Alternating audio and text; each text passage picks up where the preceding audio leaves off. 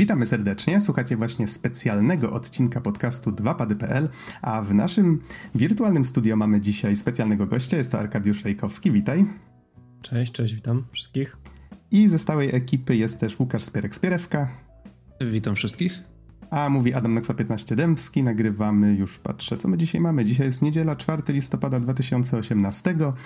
I może najpierw wytłumaczę, dlaczego odcinek specjalny.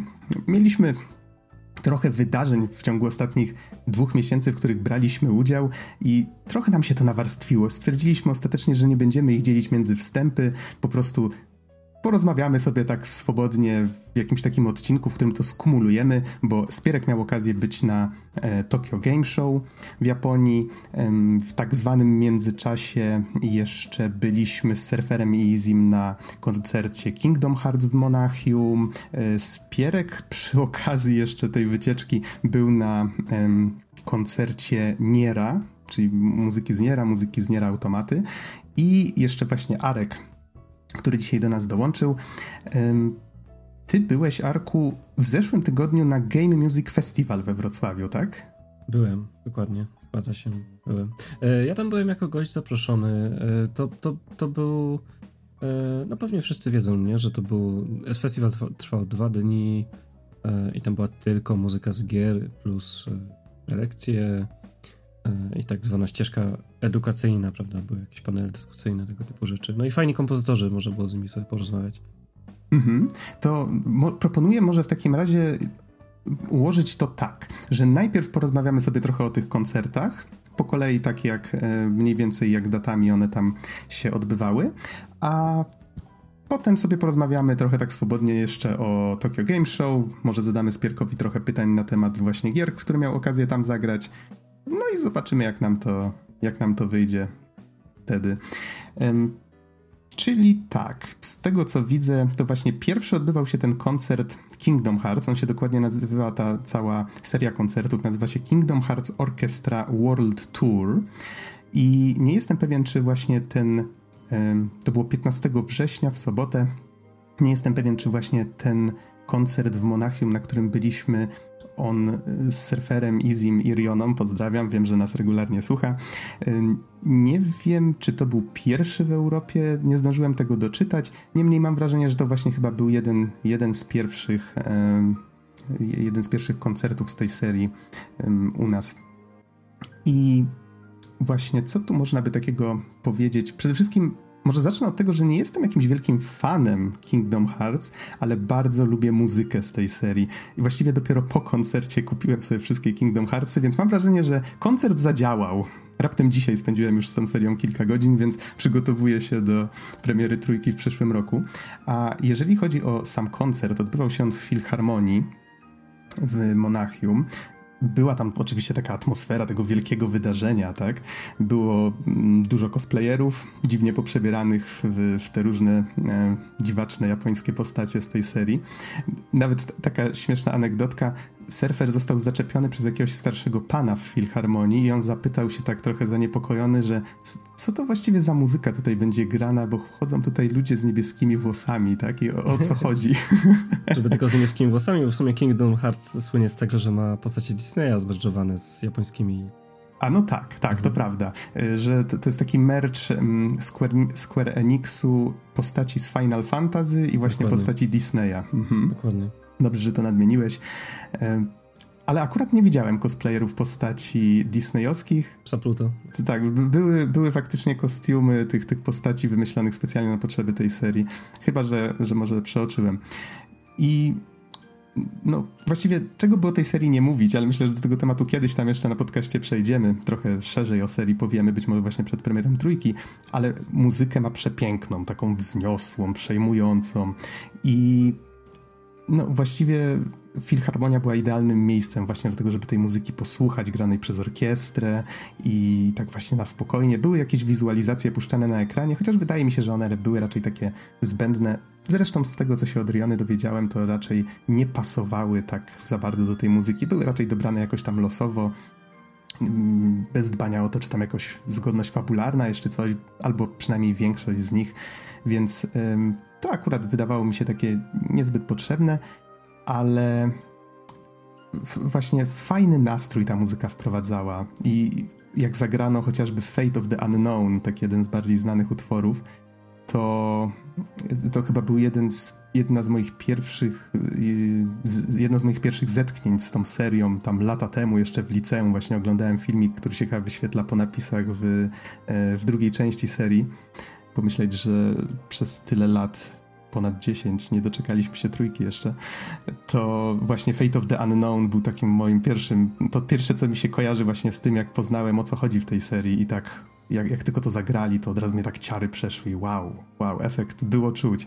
No i może żeby, może żeby nie przedłużać za mocno na temat tylko tego jednego koncertu, pojawiła się na nim Yoko Shimomura, tak zupełnie Tak, to była zupełnie taka niespodzianka na zasadzie wow, nie spodziewałem się, że kompozytorka się tutaj zjawi, więc to, to, to było też bardzo fajny akcent.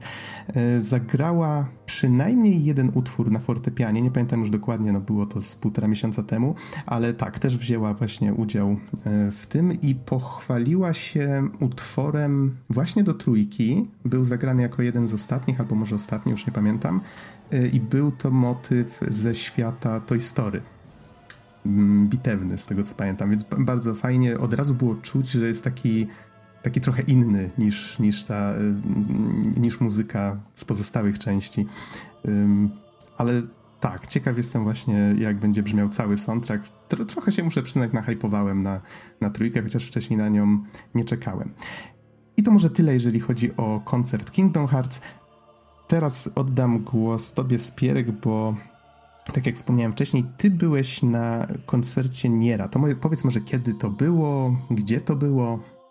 E, koncert Niera, właściwie Nier orkiestra, orkiestra koncert, bo nie była to de facto ta sama muzyka co w grze, tylko właśnie specjalne aranżacje na orkiestrę.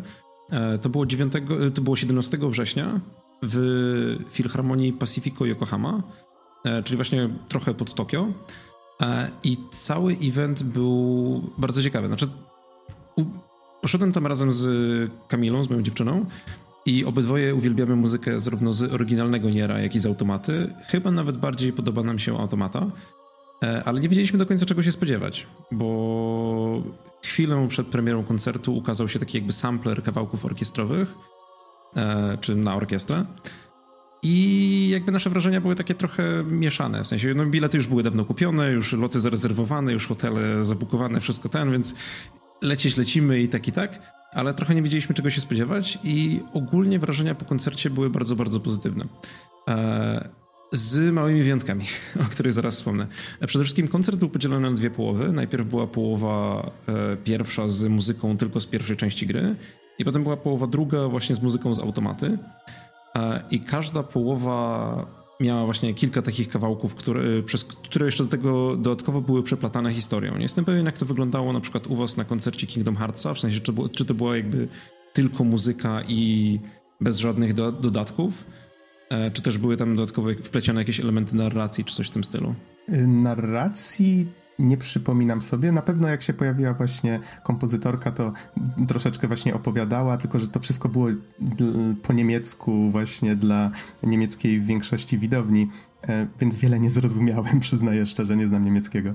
Ale Yoko Shimomura mówiła po japońsku, tak? Czy, czy, czy po niemiecku? Przywitała się po niemiecku, potem tak, przeszła na japoński i tylko Aha, okay. tłumaczono to na niemiecki, tak. Hmm.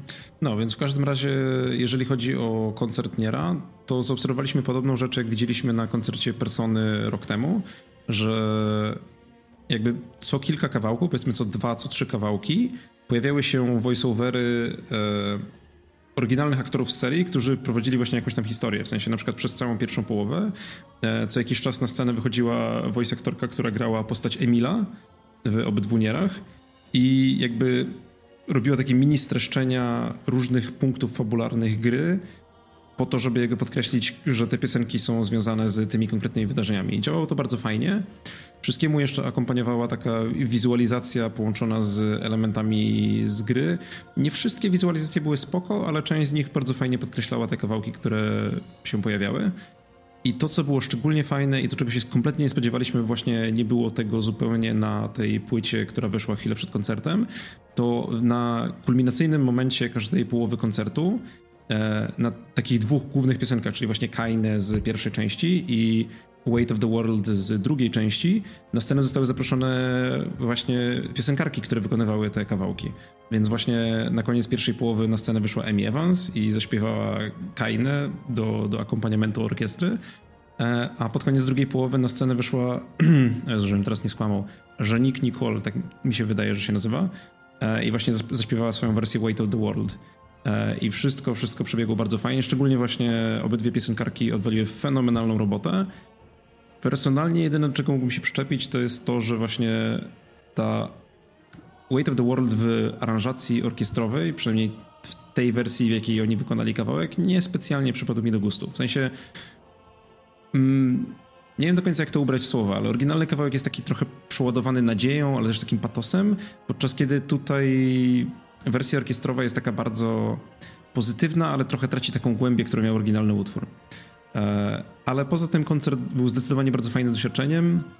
E, bardzo fajnym też pod kątem tego, że Japończycy generalnie super fajnie zachowują się na koncertach, w sensie cała sala siedzi cicho, wszyscy wiedzą, kiedy klaskać, nie ma żadnych problemów. Wszyscy kolejkują się jak trzeba i oczywiście e, pod e, Filharmonią jest otwarty sklepik z gadżetami związanymi z koncertem, które można kupić tylko tam, więc są pozytywki, maskotki, płyty i można tam generalnie przepalić dobre kilkaset dolarów, jeżeli się chce. My się staraliśmy powstrzymać, ale też głównie dlatego, że część rzeczy, które chcieliśmy wziąć nakład się wyczerpał, zanim w ogóle dostaliśmy się do sklepu po odstaniu chyba dwóch godzin w kolejce, czy coś takiego, więc wow. no, to jest, to, to jest zupełnie inne doświadczenie. Mogę dodać do tego koncertu Kingdom Heartsa, że Square Enix też się przygotował pod tym względem. Był sklepik, można było różne gadżety kupić. Chyba nawet y, można było. Mm, y, nie, nie, jestem pewien, jak się, jak się nazywa przyrząd używany przez dyrygenta, żeby tutaj nie palnąć jakiś. Batuta? Tak, tak, można było właśnie, on, mhm. on miał taką w kształcie klucza chyba właśnie specjalną, o. żeby się z serią kojarzyła i można było właśnie chyba kupić ją później.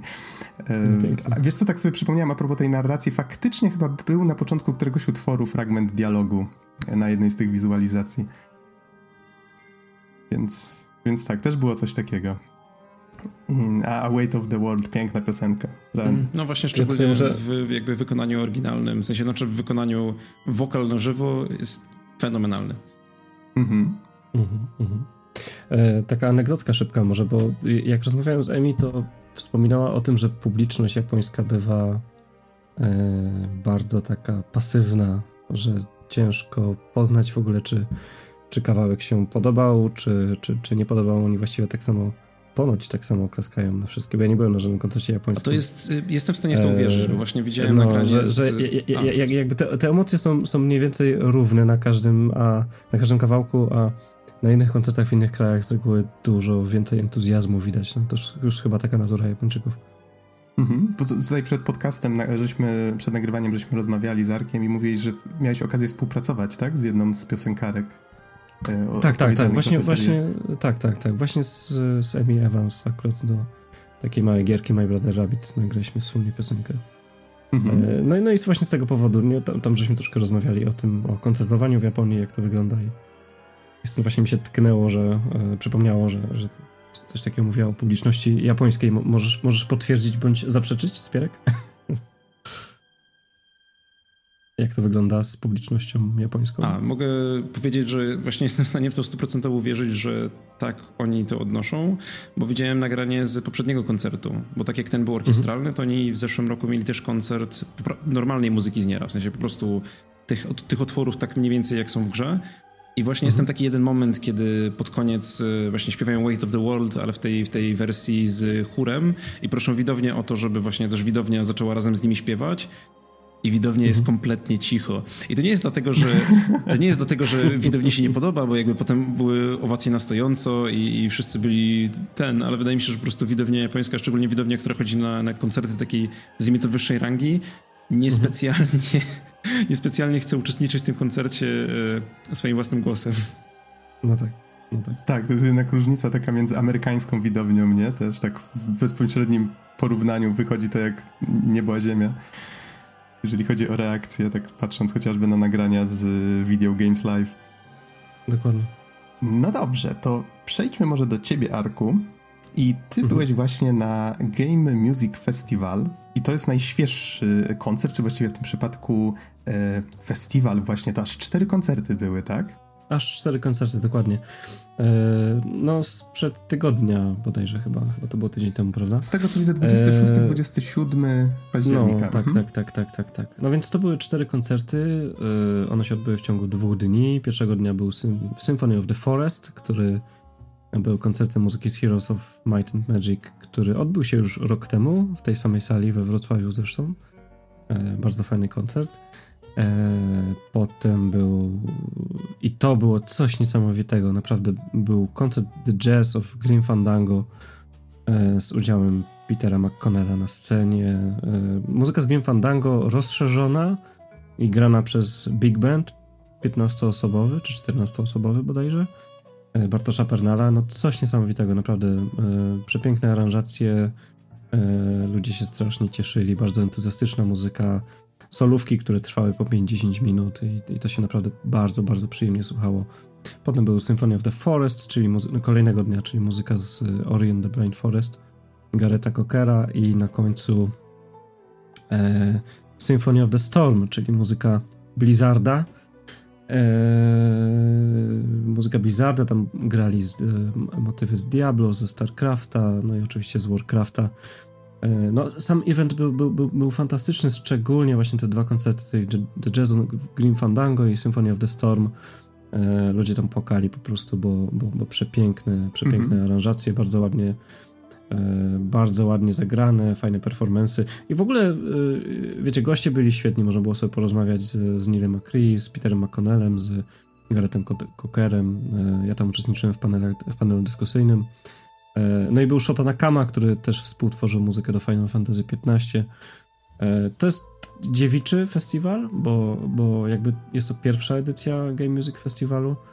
E, we Wrocławiu e, i mimo tam jakichś lekkich organizacyjnych pod, mm, potknięć, to wyszło to bardzo fajnie i, i, i ma naprawdę ogromny potencjał na, na, na kolejną edycję.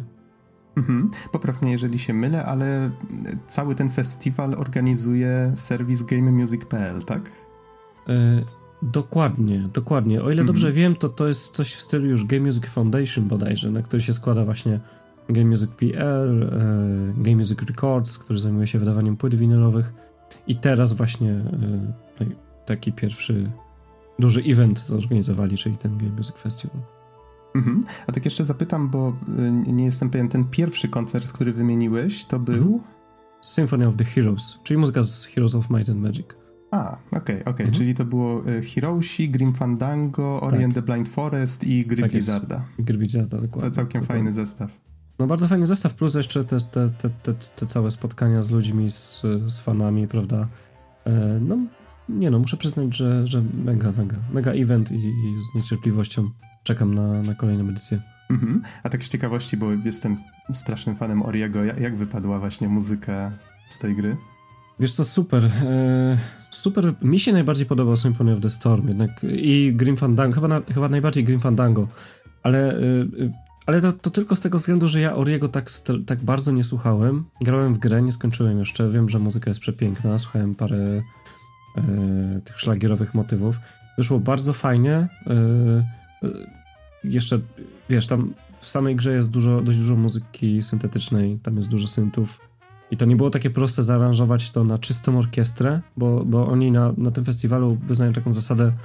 Mm, abstrahując już od tych instrumentów, ale taką zasadę slow listening, czyli yy, jest to coś innego niż to, co było na pewno na Kingdom Hearts czy, czy Nier Automacie. Tam nie ma żadnych wizualizacji, niczego, co by, co by jakoś tam sugerowało, z czego ten motyw jest, jest grany. Po prostu jest pełne skupienie na, na muzyce i na czystej orkiestrze, bez, -hmm. żadnych, yy, bez, żadnych, bez, bez żadnej elektroniki. E, no to jest, to jest, to jest dość, dość ciekawe doświadczenie. I, I Ori był jakby zaaranżowany tylko i wyłącznie na orkiestrę. Nie było partii wokalnych, czego mi troszkę brakowało, ale, ale same aranżacje były naprawdę, naprawdę fajne, naprawdę piękne i z tego co czytałem komentarze ludzi, fanów y, samej muzyki z Oriego, to, to, to, to się bardzo, bardzo podobało. Sam Gareth zresztą mówił, że, że, że, że był wzruszony i mu się bardzo podobało. No brzmi super. Kurczę, teraz zaczynam żałować, że mnie nie było. Ale no, jeżeli mówisz, że dziewiczy, to mam nadzieję, że powróci. Wiesz co, ja myślę, że powróci, no nie wiem, z tego co Mariusz i Mateusz mówią, to tak, wiesz, na razie zapadają w sen zimowy, bo trochę nerwów i, i ciężkiej pracy ich organizacja tego eventu kosztowała, ale, no, ale, ale, nie, no myślę, że to powróci. To musi powrócić, bo to, bo to, to, to, bo to był sukces, więc Zresztą, wiesz, po, po takich gościach i, i, wiesz, oni mają teraz fajnych ambasadorów za granicą, bo wszyscy tam będą wciskać o, o, o tym, że to był naprawdę fajny event i myślę, że firmy się będą zgłaszać, żeby, e, żeby chcieć, wiesz, wystąpić e, na, na takim koncercie. Więc myślę, że tak, spokojnie. Mhm. Okej, okay. czy Spierek mamy jeszcze jakieś pytania do Arka? Nie, wydaje mi się, że to tyle. Dobrze, więc o koncertach już żeśmy wspomnieli. Został nam Tokyo Game Show. To jest chyba dość spory temat i głównie na twoich barkach, Spierek. Postaram się najlepiej jak potrafię. Okej, okay, ja tu już sobie otworzyłem listę gier, którą żeśmy omawiali, w sensie ja z tobą pamiętam, że rozmawialiśmy o PlayStation Lineup Tour, który się odbył przed Tokyo Game Show, jakoś tak z tydzień przed, e, chyba 10 września. I tam było właśnie pokazywanych sporo gier, które miały być grywalne na Tokyo Game Show. I ciekaw jestem właśnie, czy miałeś okazję coś z tego dorwać. Ale to może najpierw zostawię tobie jakieś, jakąś tam narrację, którą sobie przygotowałeś. To może zacznij od tego, e, kiedy to było. Tak. E, u, musiałbym sprawdzić, ponieważ nie pamiętam dokładnych dat. A, dobra, to wiesz co, już patrzę. Okej, okay, już, już. Przepraszam was za to, Tokyo Game Show. Tak? Tokyo Game Show odbywał się od 20 do 23 września, wliczając w to dni biznesowe. Mhm, tak, y, i my generalnie byliśmy na Tokyo Game Show tylko na dwóch pierwszych dniach, czyli 20 i 21, dlatego że raz, razem z Fundacją Indie Games Polska E, wystawialiśmy naszą grę na targach. W sensie jest taka fundacja, która właśnie pomaga mniejszym firmom e, w kraju jeździć na różne eventy zagraniczne i właśnie my zgłosiliśmy się i zostaliśmy wybrani do tego, żeby móc pokazać naszą grę na stoisku na Tokyo Game Show i raz, wraz z tym też e, dostaliśmy wejściówki na event i właśnie stoisko, na którym mogliśmy tą grę pokazywać. To pochwal się od razu, jaki jest tytuł gry. Tak, robimy taką małą logiczną grę o golfie na iOS-a i na komputery. Steam, itch.io i będzie PC i, Mac OS. E, gra się nazywa Golf Pix i właśnie... O, kojarzę. Tak, o, skąd kojarzysz? Wiesz co, kojarzę z forum e, naszego okay, okay. No właśnie, mhm. no, więc to jest nasza mała gra logiczna i chcieliśmy ją pokazać na Tokyo Game Show właśnie głównie po to, żeby raz my sami chcieliśmy zobaczyć jak wygląda Tokyo Game Show, jak działa Tokyo Game Show, e, ale też chcieliśmy zebrać trochę feedbacku i po, pokazać tą grę szczególnie ludziom, szczególnie powiedzmy nie Europejczykom, w sensie zobaczyć jak ludzie z innych narodowości grają w tą grę, jak się przy niej bawią i jak, e, jakie problemy przede wszystkim mają z tą grą.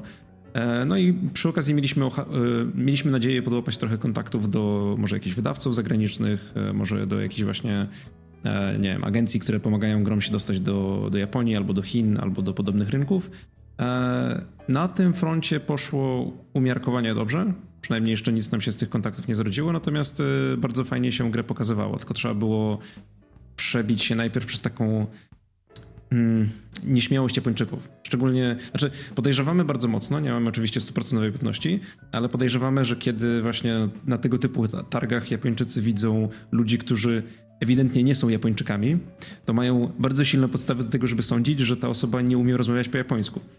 Więc e, hmm, kiedy poniekąd tylko, prawda. E, poniekąd jest to prawda. E, my na szczęście trochę mówimy po japońsku, ale, to, ale nie mieliśmy na sobie wywieszonych plakietek pod tytułem mówię trochę po japońsku, tylko kiedy tylko udało nam się nawiązać kontakt wzrokowy, to musieliśmy ich jak już zaganiać trochę jak takie, takie krowy do zagrody, że tak chodźcie, chodźcie, wcale nie będzie strasznie. Nasza gra e, prawie w ogóle nie ma tekstu, a ten, który ma jest przetłumaczony, więc będzie spoko Y, i my też na jakieś tam proste pytania odpowiemy, więc, więc nie bójcie się i zagrajcie. I faktycznie jak zaczęliśmy tak trochę aktywniej sami łapać ludzi, to, to podchodzili i się bawili dobrze i większości się podobało i, i byliśmy bardzo zadowoleni. E, no i na szczęście pojechaliśmy w dwie osoby właśnie razem z Kamilą e, ogarnialiśmy stoisko, więc mniej więcej pół dnia każde z nas miało czasu, żeby się przejść trochę po Tokyo Game Show i zobaczyć, jak tam, jak tam wygląda. E, no i jest to bardzo ciekawy event który jest też dosyć wielki. Nie jest to skala Gamescomu. Gamescom jest absurdalnie duży i z roku na rok coraz większy, ale jest to wciąż dosyć duży event, jakby z, z naszą, no powiedzmy, Poznań Game Arena szybko goni, bo praktycznie co roku dochodzą nowe hale, ale Tokyo Game Show wydaje mi się, że wciąż jest większy. I, i jest tam sporo, sporo dużych hali, jest właśnie takich, no jest sporo dużych wydawców przede wszystkim. Są wszystkie Capcomy, wszystkie Square Enixy, wszystkie Segi się zjeżdżają i robią swoje gigantyczne stoiska, oczywiście z pełne cosplayerek i gier, którym ludzie robią zdjęcia.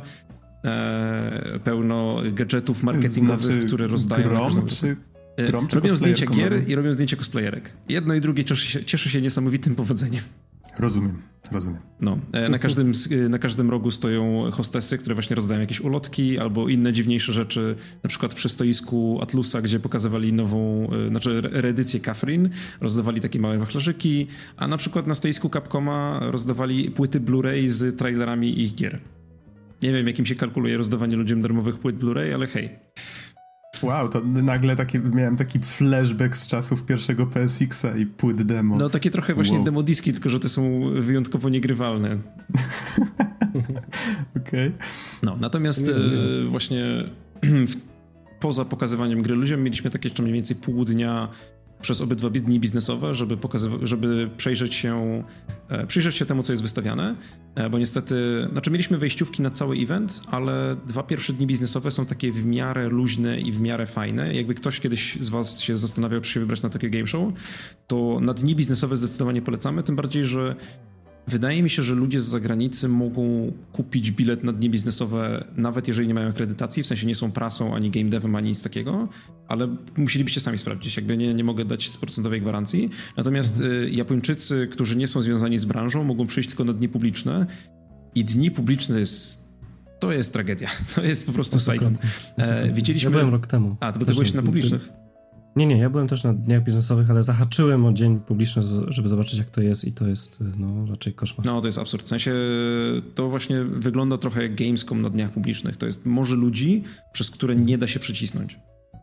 Mhm, I jak przyjdziesz rano i ustawisz się w kolejce do jednej popularnej gry, to może do południa zagrasz w tą grę i może jeszcze udać się złapać jakąś drugą. To jest mniej więcej to, jak wygląda na, na dniach biznesowych, a na, e, tfu, na dniach publicznych. Na dniach biznesowych generalnie udało mi się zagrać większość gier, które chciałem, za wyjątkiem jednej, ale o tym wspomnę później. E, więc e, nie przechodząc, znaczy przechodząc bez dalszej zwłoki do, do tego, w co faktycznie zagrałem, zacznijmy może od takiego właśnie mało wyczekiwanego tutaj tytułu Kingdom Hearts 3. Hmm, pierwsze słyszę. No. To tak na w końcu wyjdzie? Wyjdzie, wyjdzie. No, data premiery jest na styczeń. Wszystko, chyba że przesunęli. Nie wiem, nie sprawdzałem. Muszą, muszą, muszą, przesunąć, to jest niemożliwe. Nie, no, nie znaczy, naprawdę, styczeń? No, a, no data premiery miała być jakoś początek 2019, chyba no styczeń. No tak, tak mi się silnie wydaje, że styczeń. Mhm. Kiedy ja mam zdążyć całą serię nadrobić do tego czasu? Ja planuję... Czy, czy, czy ja skończę Red Dead Redemption do tego czasu? Ja planuję ją nadrobić na YouTubie do stycznia. To może być bardzo dobra rada, ale już zacząłem, więc. Ech. Rozumiem cię. No, w każdym no. razie Kingdom Hearts 3 miało około 15-20 minutowe demo, do którego trzeba było chwilę postać, ale potem, potem można było sobie usiąść i się pobawić. I moje wrażenia są takie, że jest to naprawdę fajna gra. W sensie gra się w nią niesamowicie gładko i, i, i, przyjemnie. Wydaje mi się, że udało im się wyszlifować takie toporności, które miały poprzednie Kingdom Hearts. W sensie nie testowałem tych późniejszych, tych na przykład 2,8, chociaż 2,8 chyba działa na dokładnie tym samym silniku, więc to akurat może być... Znaczy w sensie mówię o tym 0,2 Birth by Sleep, Elementary Passage, coś tam, coś. Powiem tak, i, i tak, jeżeli ktoś nigdy nie słyszał o tytułach z tej serii, to nie ma zielonego no, pojęcia, dokładnie. o czym teraz mówisz, więc kiedyś do tego wrócimy. W każdym razie chodzi o ten prolog do trójki, który był dorzucany do Kingdom Hearts 2,8. E, wydaje mi się, że działa na tym samym silniku, ale na przykład porównując do, no nie wiem, jak chwilę pograłem w Dream Drop Distance na 3DS-a, to wydaje mi się, że właśnie w trójce udało im się już wyszlifować system walki tak bardzo, bardzo, że już, już, już nie ma aż takiej toporności, jaką miał kiedyś. E, I demo składało się właśnie z dwóch, e, dwóch etapów. Był Olympus Level z Herkulesa i był Toybox Level z Toy Story. Olympus e, był już pokazywany, znaczy Olymp był już pokazywany na jakichś wcześniejszych targach. Nie jestem pewien, czy właśnie na, nie na Gamescomie, czy na E3. Natomiast Toybox Level wydaje mi się, że był po raz pierwszy pokazywany na takie game show i to był trochę dłuższy etap, trochę bardziej napakowany fabułą, bo Olimp to de facto takie trochę tech demo w pewnym sensie. W sensie nie ma tam prawie w ogóle fabuły, to jest taki poziom pokazujący jakieś podstawy platformingu, gdzie musimy się najpierw e, musimy się najpierw trochę przebiec po, po jakby zboczu góry, potem e, Potem się zaczynamy wspinać, w sensie yy, Sora wskakuje na ścianę i zaczyna po niej biec. E, my unikamy kamieni, które spadają z góry. W międzyczasie walczymy z Heartlessami. Yy, I na samym końcu jest walka z bossem, która polega na tym, że musimy go uderzać, kiedy, znaczy w odpowiednich momentach. I żeby go dokończyć, wskakujemy w Attraction Mode, czyli właśnie jedną z, wydaje mi się, nowych elementów, która wskakuje w tej, w tej części. E, to polega na tym, że niektóre walki z bossami mają właśnie takie specjalne sekwencje i na przykład nie wiem, czy wszystkie walki z bossami będą miały podobne jak ta, czy też inne. Natomiast tutaj jest ta sekwencja, która chyba była pokazywana już w ogóle w pierwszych trailerach gry, gdzie wskakujemy do takiej jakby kolejki górskiej, która lata dookoła takie, tego wielkiego bossa, z którym walczymy. Boss jest takim e, kamiennym golemem, który właśnie rzuca w nas rzeczami. I my jeżdżąc na tej kolejce górskiej na szynach, w sensie to jest, y, nie, nie sterujemy samą kolejką górską, ona po prostu sobie jeździ, ale my na, siedząc na tej kolejce górskiej używamy działka, żeby strzelać w bossa i w elementy, którymi rzuca nas i są tam jeszcze sekwencje QT, QT jest mnóstwo partikli, e, mnóstwo efektów specjalnych i wszystko wygląda mega widowiskowo. E, ale nie jest super interaktywne, natomiast zdecydowanie ciekawsza była ta druga część, e, czyli właśnie demo z Toy Story, gdzie pokazano nam jakby sam początek poziomu, gdzie właśnie Sora i, i, Donald i Goofy przenoszą się do, do świata tej story i odkrywają, że zostali zmniejszeni i że wyglądają jak zabawki. I potem poznają właśnie bohaterów z tej story, jest trochę właśnie fabuły, jest trochę walki, e, potem wychodzimy z domu na ulicę i tam na ulicy trochę walczymy, a potem wydaje mi się, że zostajemy trochę popchnięci w fabule, żeby zademonstrować kolejną e, mechanikę, która się pojawia właśnie chyba tylko w sekwencji tej historii, gdzie możemy wsiadać do jednego z czterech rodzajów takich mechów. Znaczy nazywam to mechami, ale to są y, roboty zabawki. I każdy z nich ma swój własny system ataku i możemy do tych mechów wskakiwać i wyskakiwać z nich w dowolnym momencie. E, I właśnie w tym trybie toczymy kilka walk. Mniej więcej w tym momencie demo się skończyło. E, to, co jest y, warte wspomnienia właśnie w Kingdom Hearts 3, to jest to, że oni faktycznie znaczy, grając tą grę teraz, ja widzę, dlaczego ona zajęła tak strasznie dużo czasu, bo faktycznie jakby na każdym etapie, a przynajmniej wnioskując po demie, są nowe mechaniki i zupełnie inne podejście do systemu walki. Znaczy jakby jest ten core system walki, który jest niezmienny, ale w każdym etapie wrzucają ci jakieś takie urozmaicenia, typu właśnie te kolejki górskie, typu mechy, typu jakieś inne pierdoły, e, po to, żeby ciągle działo się coś nowego i ciągle działo się coś, co jeszcze jest jakoś tematycznie powiązane z tym światem. E, do tego każdy właśnie, przynajmniej wydaje mi się, że każdy świat ma swoje własne specjalne bronie, których możemy używać w normalnej walce, gdzie na przykład właśnie e, ekipa wskakuje, znaczy kiedy naładujemy pewien pasek, to możemy wskoczyć e, wszystkimi naszymi postaciami do takich jakby filiżanek, które zaczynają się odbijać trochę jak piłeczka pinballowa pomiędzy przeciwnikami i my jeszcze chyba ładujemy ten pasek ekstra, jak się odbijamy od nich i to są w ogóle jakieś takie cuda, cuda na kiju non-stop. Ale powiem ci, że to, co opisałeś, to jest dokładnie to, co było na wizualizacjach, właśnie jak ten um, bonusowy kawałek był grany na koncercie, czyli właśnie ten, te sceny w domu, e, w Toy Story, potem na trawniku, potem właśnie z tymi mechami gdzieś tam w sklepie z zabawkami, więc domyślam się, że to dokładnie to samo było. Ale tak, patrząc na to jeszcze tam na jakiś zwiastun, to faktycznie widać, że do każdego z tych światów disneyowskich, które teraz wzięto, a mam wrażenie, że głównie wzięto do e, filmów tworzonych teraz w 3D, tak, bo przez ostatnie 10 lat Disney już tworzy tylko takie filmy.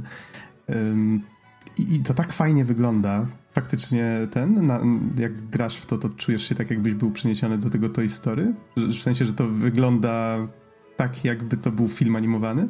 Znaczy, wygląda bardzo dobrze i rzeczywiście jakby powiedzmy, że wizualnie to już jest tak prawie, że poziom pierwszego filmu Toy Story, tylko że w czasie rzeczywistym, a nie, a nie wyrenderowanego do tego. E, feeling jest dobry, aczkolwiek nie mógłbym, nie, ja personalnie nie czułem tego, że to jest takie, o, teraz jestem bohaterem Toy Story, tylko czułem się bardziej jakbym grał w Kingdom Hearts, ale właśnie ze stylistyką Toy Story na tę długość etapu, czyli pewnie około godziny do dwóch grania. Mhm. Ja, ja, ja, muszę przyznać, że jestem strasznie sceptyczny do tej, do tej części nastawiony. To znaczy, ja nigdy nie grałem w poprzednie Kingdom Hearts, więc chętnie poznam, na czym polega fenomen tej serii. Jak tak widzę filmiki i, i, i te gameplaye, to nie wiem, no Przyznam, że nie wiem, czy to jest gra dla dzieci, czy to jest gra dla dorosłych, ale dużo tam tych właśnie bohaterów disneyowskich, jakieś Pluto, jakieś coś tam, myszki ci, Miki, Przepraszam, no. że ci przerwę, ale gram w jedynkę w tej chwili i mhm. nadal ciężko jest mi odpowiedzieć na to pytanie. To znaczy, faktycznie ta gra jest bardzo infantylna, mhm. y, ta historia i tak dalej, ale wydaje mi się, że jest, jest jakaś taka nostalgia w tych disneyowskich postaciach i światach. Na zasadzie grasz w to i masz wrażenie, że o kurczę, ja już zapomniałem w ogóle, że było coś takiego, nie? Jak mhm, tam mhm. Arielka, albo powiedzmy tam... Um, co tam jeszcze było, czy powiedzmy Tarzan animowany, tak, czy powiedzmy mm -hmm. Piękna i Bestia. Powiedzmy, że nie widziałem tych filmów chyba już ponad 20 lat, a tu nagle mi dają te postacie prosto w twarz i one mówią, zachowują się tak jak one. Być może nawet no mówią tak. tym samym głosem, bo nie, nie jestem pewien. Więc to, to, chyba o to chodzi głównie. No pewnie tak, pewnie tak. No cóż, nie, nie, nie, niedługo się wszyscy przekonamy. Okej, okay, Spierek, co tam masz dalej dla nas? No, to następną grą, którą zagrałem głównie po to w sumie, dlatego że kolejka była dosyć niewielka, więc wiedziałem, że mogę w tą grę wskoczyć szybko i wyskoczyć z niej szybko. E, to był Kill la Kill the Game. E, tworzony. Oh. Tak, i to, to jest tworzone przez. E, jest wydawane przez Arc System Works, ale nie jest tworzony de facto przez Arc System Works, tak jak ludzie pierwotnie podejrzewali, tylko przez ludzi, którzy zrobili grę Little Witch Academia to jest jakieś studio, które nie pamiętam, czy jest pod nimi podległe bezpośrednio, czy tylko jakby mają bliskie partnerstwo. W każdym razie jest to bijatyka 3D, która rozgrywa się na takich właśnie kwadratowych arenach, gdzie gramy postaciami z anime. E, no i jakby toczymy walki. Pierwotnie byłem nawet trochę zainteresowany tą grą, szczególnie dlatego, że Arc System Works pokazało już po wielu Guilty Gearach, że jest w stanie robić naprawdę fajne bijatyki. Ale potem właśnie jak dowiedziałem się, że nie robią tego oni, tylko robi to studio pod nimi, to byłem taki trochę o, a potem zagrałem w to na, na Tokyo Game Show i byłem taki bardziej o. E, hmm. W sensie nie... Czyli mech ogólnie. Tak, w sensie moje wrażenia były dosyć takie sobie. W sensie wizualnie gra wygląda fajnie, ale... Znaczy wygląda fajnie, kiedy patrzymy na nią z dystansu, ale kiedy się przypatrzymy grafice, to widzimy tam takie dosyć niedociągnięcie. Znaczy takie dosyć spore niedociągnięcia, w sensie że modele momentami zachowują, zachowują, się dziwnie, że tła jeszcze nie są dopracowane. Powiedzmy, że powinno się to zmienić, bo gra ma premierę ustawioną na 2019, więc zakładam, że jeszcze to tam trochę dofiksują wizualnie. Natomiast nie wiem, czy uda im się naprawić to, co jest niefajnego w gameplayu. E, raz, że gra była całkowicie po japońsku i nie rozumiałem wszystkich mechanik rozgrywki, które się tam działy, szczególnie różnic pomiędzy postaciami. Na przykład y, o, nie pamiętam teraz kto, ale była jedna postać, którą grało mi się super łatwo i wygrałem dwa mecze bez problemu, a potem zmieniłem się na inną i kompletnie nie byłem w stanie nią nic, nic robić, ale są też tam takie jakby są takie mechaniki gameplayowe, które wydaje mi się, że po prostu nie są fajne i one nigdy nie będą fajne. Jest jedna mechanika, która polega na tym, że jeżeli ścieramy się z przeciwnikiem, to gra robi takie jakby dynamiczne ujęcie kamery najpierw na jedną postać, potem na drugą postać, potem one się ścierają i następnie na cały ekran zostaje wyświetlony taki 10-sekundowy, 10-sekundowa instrukcja odnośnie tego, że jak dwie postacie się ścierają w walce, to jest chyba wtedy, kiedy odpalają obydwie jednocześnie ataki specjalne, to robi się taki mechanizm ala kamień, papier, nożyce, gdzie kamień, papier i nożyce to są trzy przyciski na gamepadzie i musimy wciskać jakby zadeklarować odpowiedni i wtedy zależy od tego, co weźmie nasz przeciwnik, to jest albo remis, albo wygrana, ale za każdym A, razem, kiedy to, coś, się, kiedy to się dzieje, to właśnie się pojawia taki, taka gigantyczna instrukcja i jakby cała walka traci swoją dynamikę. W sensie wszystko staje w mhm. miejscu mm -hmm. przez te 10 sekund i jakby de facto się nic nie dzieje i to jest takie super, super nieprzyjemne. Mm, coś takiego mam wrażenie, że się pojawia coraz częściej w biatykach i chyba ostatnio w Soul Caliburze 6 w tym nowym Mm. Coś, coś, coś jest coś takiego. Mhm. Jest jakieś zatrzymanie czasu i trzeba. W, ale to nie jest. Nie, to, to, też chyba działa na zasadzie papier, kamień, nożycie. To tam się chyba jeden przycisk. W sensie tam chyba się wybiera, czy, czy, czy zrobić unik, czy, czy, czy uderzyć, nie wiem już. Tak, no, chyba no, coś takiego. To jest taki problem, że Easy próbował mi wytłumaczyć o co chodzi, a ja jako osoba, która nie przechodziła tutoriala, nie miałem zielonego pojęcia, więc losowo mhm. wybierałem przyciski. Mhm. Działo się. Ja, ja powiem wam, że jestem troszkę też sceptycznie nastawiony do takich adaptacji anime. Anime było swoją drogą bardzo fajne. Killer Kill mega. Natomiast, yep. natomiast no, no, Japończycy są wciąż niestety generacja, dwie generacje do tyłu, jeśli chodzi o takie gry i po prostu e, też to na Switchu troszkę widać, jak pojawiają się nowe JRPG chociażby, czy tam jakieś po prostu gry japońskie, no te gry są po prostu przestarzałe, oldschoolowe, bardzo w taki nieprzyjemny sposób. Mhm. I chyba jedyną taką prawdziwie, naprawdę dopyconą grą to jest jednak Persona wciąż, e, piątka i może Final Fantasy XV, a tak to wszystko jest takie no ciężkie, ostrawne. No właśnie ja też z anime raczej mam związane ten miłe wspomnienia, tak, jakkolwiek by to nie brzmiało. E, było takie fajne, absurdalne, po prostu przesycone akcją. Tak, tak, tak. Mhm. I tak, miałem okazję widzieć jakiś tam gameplay z tego, o czym Spierek teraz opowiadał i no nie wiem, tak trochę smutek, że, że nie, nie, chwycili tego tematu, bo to spory potencjał ma na taką grę, która polega po prostu na siepaniu i, i jakimś tam głupawym humorze. Tak, ale też jest to jakby interesujący przypadek, bo ja tą serię oglądałem, kiedy ona wychodziła w 2013 roku. Jakoś tak cztery mieszkania temu i dwie prace temu, jakoś w ogóle w starożytnej historii, a oni robią grę teraz. I to nie jest, nie jest gra Aha. związana z tym, że na przykład robią drugi sezon, albo kinówkę, albo, albo cokolwiek, tylko po prostu teraz robią tą grę i nie wiem, czy to już nie jest za późno. Mhm. No, ja już zdążyłem obejrzeć to chyba raz sam, raz ze znajomymi. Nie, może nawet ze trzy razy łącznie, więc tak, to chyba było ładne kilka lat temu. No, no, ale przechodząc do kolejnej gry, w którą grałem i teraz będzie trochę większy kąsek, udało mi się -hmm. obok na stoisku Capcomu dostać się do kolejki na Resident Evil 2 Remake. O, i o. na to czekam.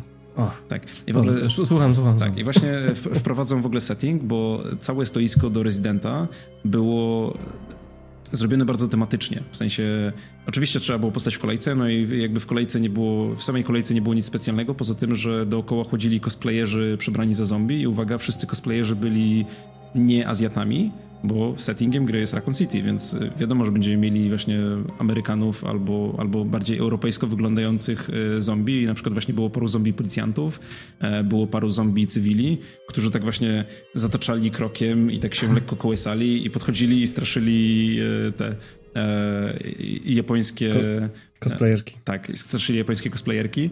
Mam pytanie, czy jeżeli jakiś z tych amerykańskich zombie ugryzł Japończyka, to on stawał się Amerykaninem? nie, nie, udało mi się zaobserwować, bo nie stałem w kolejce mm. aż tak długo, dlatego że zgłosiłem się na to, że chciałbym zagrać na Xboxie e, i do Xboxa była mniejsza kolejka. W sensie mieli wystawione stoiska tego na, na Xboxa i mieli stoiska na PS4. Kolejka do PS4 była 60 minut, a do Xboxa była 10. Wow, ciekawe. Podejrzewam, że to może wynikać trochę z tego, że Japończycy boją się tego, że nie są obyci na przykład spadem do Xboxa i większość ma PS4, no bo jednak PlayStation jest dominujący w tym kraju. Ale ja nie będę narzekał. Udało mi się wejść sporo przed kolejką, więc, więc jest spoko. E, no, ale właśnie wchodząc do... Bo gameplay, znaczy żeby zagrać w grę trzeba było wejść do takiej jakby zamkniętej strefy, która była wystylizowana właśnie na Raccoon City Police Department, czyli właśnie na, na komisariat e, w Raccoon City. I w ogóle na, na, początku wchodziło się przez takie specjalne drzwi, oczywiście wszystko było pomazane krwią, wszędzie było ciemno, jakieś tam światła migały i była taka, taka jakby brama przesuwna, e, takie, taka jakby stalowa brama przesuwna, pewnie kojarzycie o co chodzi, w sensie w grach często jest mhm. to takie, jest taka zamknięta brama przesuwna i postaci muszą Jasne. jakby otworzyć ją rękoma, w sensie podnieść ją do góry, żeby się pod nią przeczołgać ona właśnie była opuszczona do połowy, więc wchodząc do tej strefy trzeba było kucnąć i przejść jakby pod tym, i wtedy wchodziło się właśnie do takiej ciemnej strefy i tam były rzędy konsol i można było sobie pograć. E, było 15 minut i podobnie jak w Kingdom Hearts demo miało dwie sekcje. Miała sekcję Leona, która była już pokazywana wcześniej na innych targach. E, tak mi się wydaje. I była zupełnie nowa sekcja z Claire. E, ja zagrałem w sekcję z Leonem, bo z racji tego, że nie grałem osobiście w dwójkę, w sensie moje doświadczenie z Rezydentem dwójką to było obserwowanie kiedyś, jak brat znajomego gra na PlayStation e, wieki temu i nieprawda. E, więc nie pamiętam z gry praktycznie nic, więc wolałem zagrać w sekcję Leona z tego powodu. I to jest generalnie ten sam moment gameplayu, który można na przykład zaobserwować na trailerze Nvidia do wersji PC-owej, który pokazali chyba miesiąc albo dwa temu, gdzie właśnie pokazują e, dokładnie ten moment rozgrywki, gdzie Leon trafia na komisariat i musi rozwiązać tam zagadkę, żeby przejść dalej e, i właśnie chodząc po korytarzach, zbierając jakąś amunicję, jakąś broń, e, te zombie zaczynają się powoli pojawiać i, i jakby zagrażać mu. E, I muszę wam powiedzieć, że bawiłem się super, super dobrze. W sensie gameplay znaczy, nazwa remake jest bardzo adekwatna, bo nie jest to po prostu wzięcie gameplayu z dwójki i zrobienie z tego wersji HD. To jest faktyczne, jakby wyglądał Resident Evil 2, gdybyśmy go robili w roku 2018. Więc, to jest fantastyczne. Tak, więc mhm. gameplay jest bardziej podobny do Residenta 4 i do Revelations, e, więc na przykład możemy... Znaczy, ale właśnie taki też trochę, trochę jeszcze unowocześniony. Na przykład możemy celować i iść, ale idziemy bardzo powoli. Nie jesteśmy przyklejeni do podłogi, kiedy celujemy bronią. E, kamera jest zawieszona nad ramieniem lekko z tyłu, ale na tyle ciasno naszej postaci, że, że Leon jakby zajmuje sporą część ekranu, więc jakby nie, nie tracimy tego potencjału horrorowego. E, jest trochę straszaków i jest gęsty klimat, ale wszystko wydaje mi się, że jest takie bardzo fajnie wyważone. W sensie E, pomimo tego, że grałem, znaczy jakby środowisko, w którym grałem oczywiście było ciemno, miałem dobrze izolujące słuchawki, ale jakby mimo tego, że wiedziałem, że tam zaraz obok mnie są inni gracze, którzy też grają w tą samą grę, to czułem taki, taki lekki niepokój. W sensie wydaje mi się, że, że klimat będzie, będzie bardzo fajny. Super. Mhm. No e, i system, znaczy na przykład schemat inwentarza jest taki trochę oldschoolowy, ale wydaje mi się, że, że dosyć dobrze rozpracowali to, żeby sterowanie nie było super toporne, ale żeby miało takie, żeby, znaczy żeby miało taką lekką, intencjonalną toporność, która jest tam po to, żeby właśnie ten klimat był trochę cięższy i żeby, żeby gracz się jakby na przykład stresował, jak chce się uleczyć w trudnej sytuacji, ale nie jest to toporne tylko po to, że tylko do tego, że nie zrobili tego lepiej.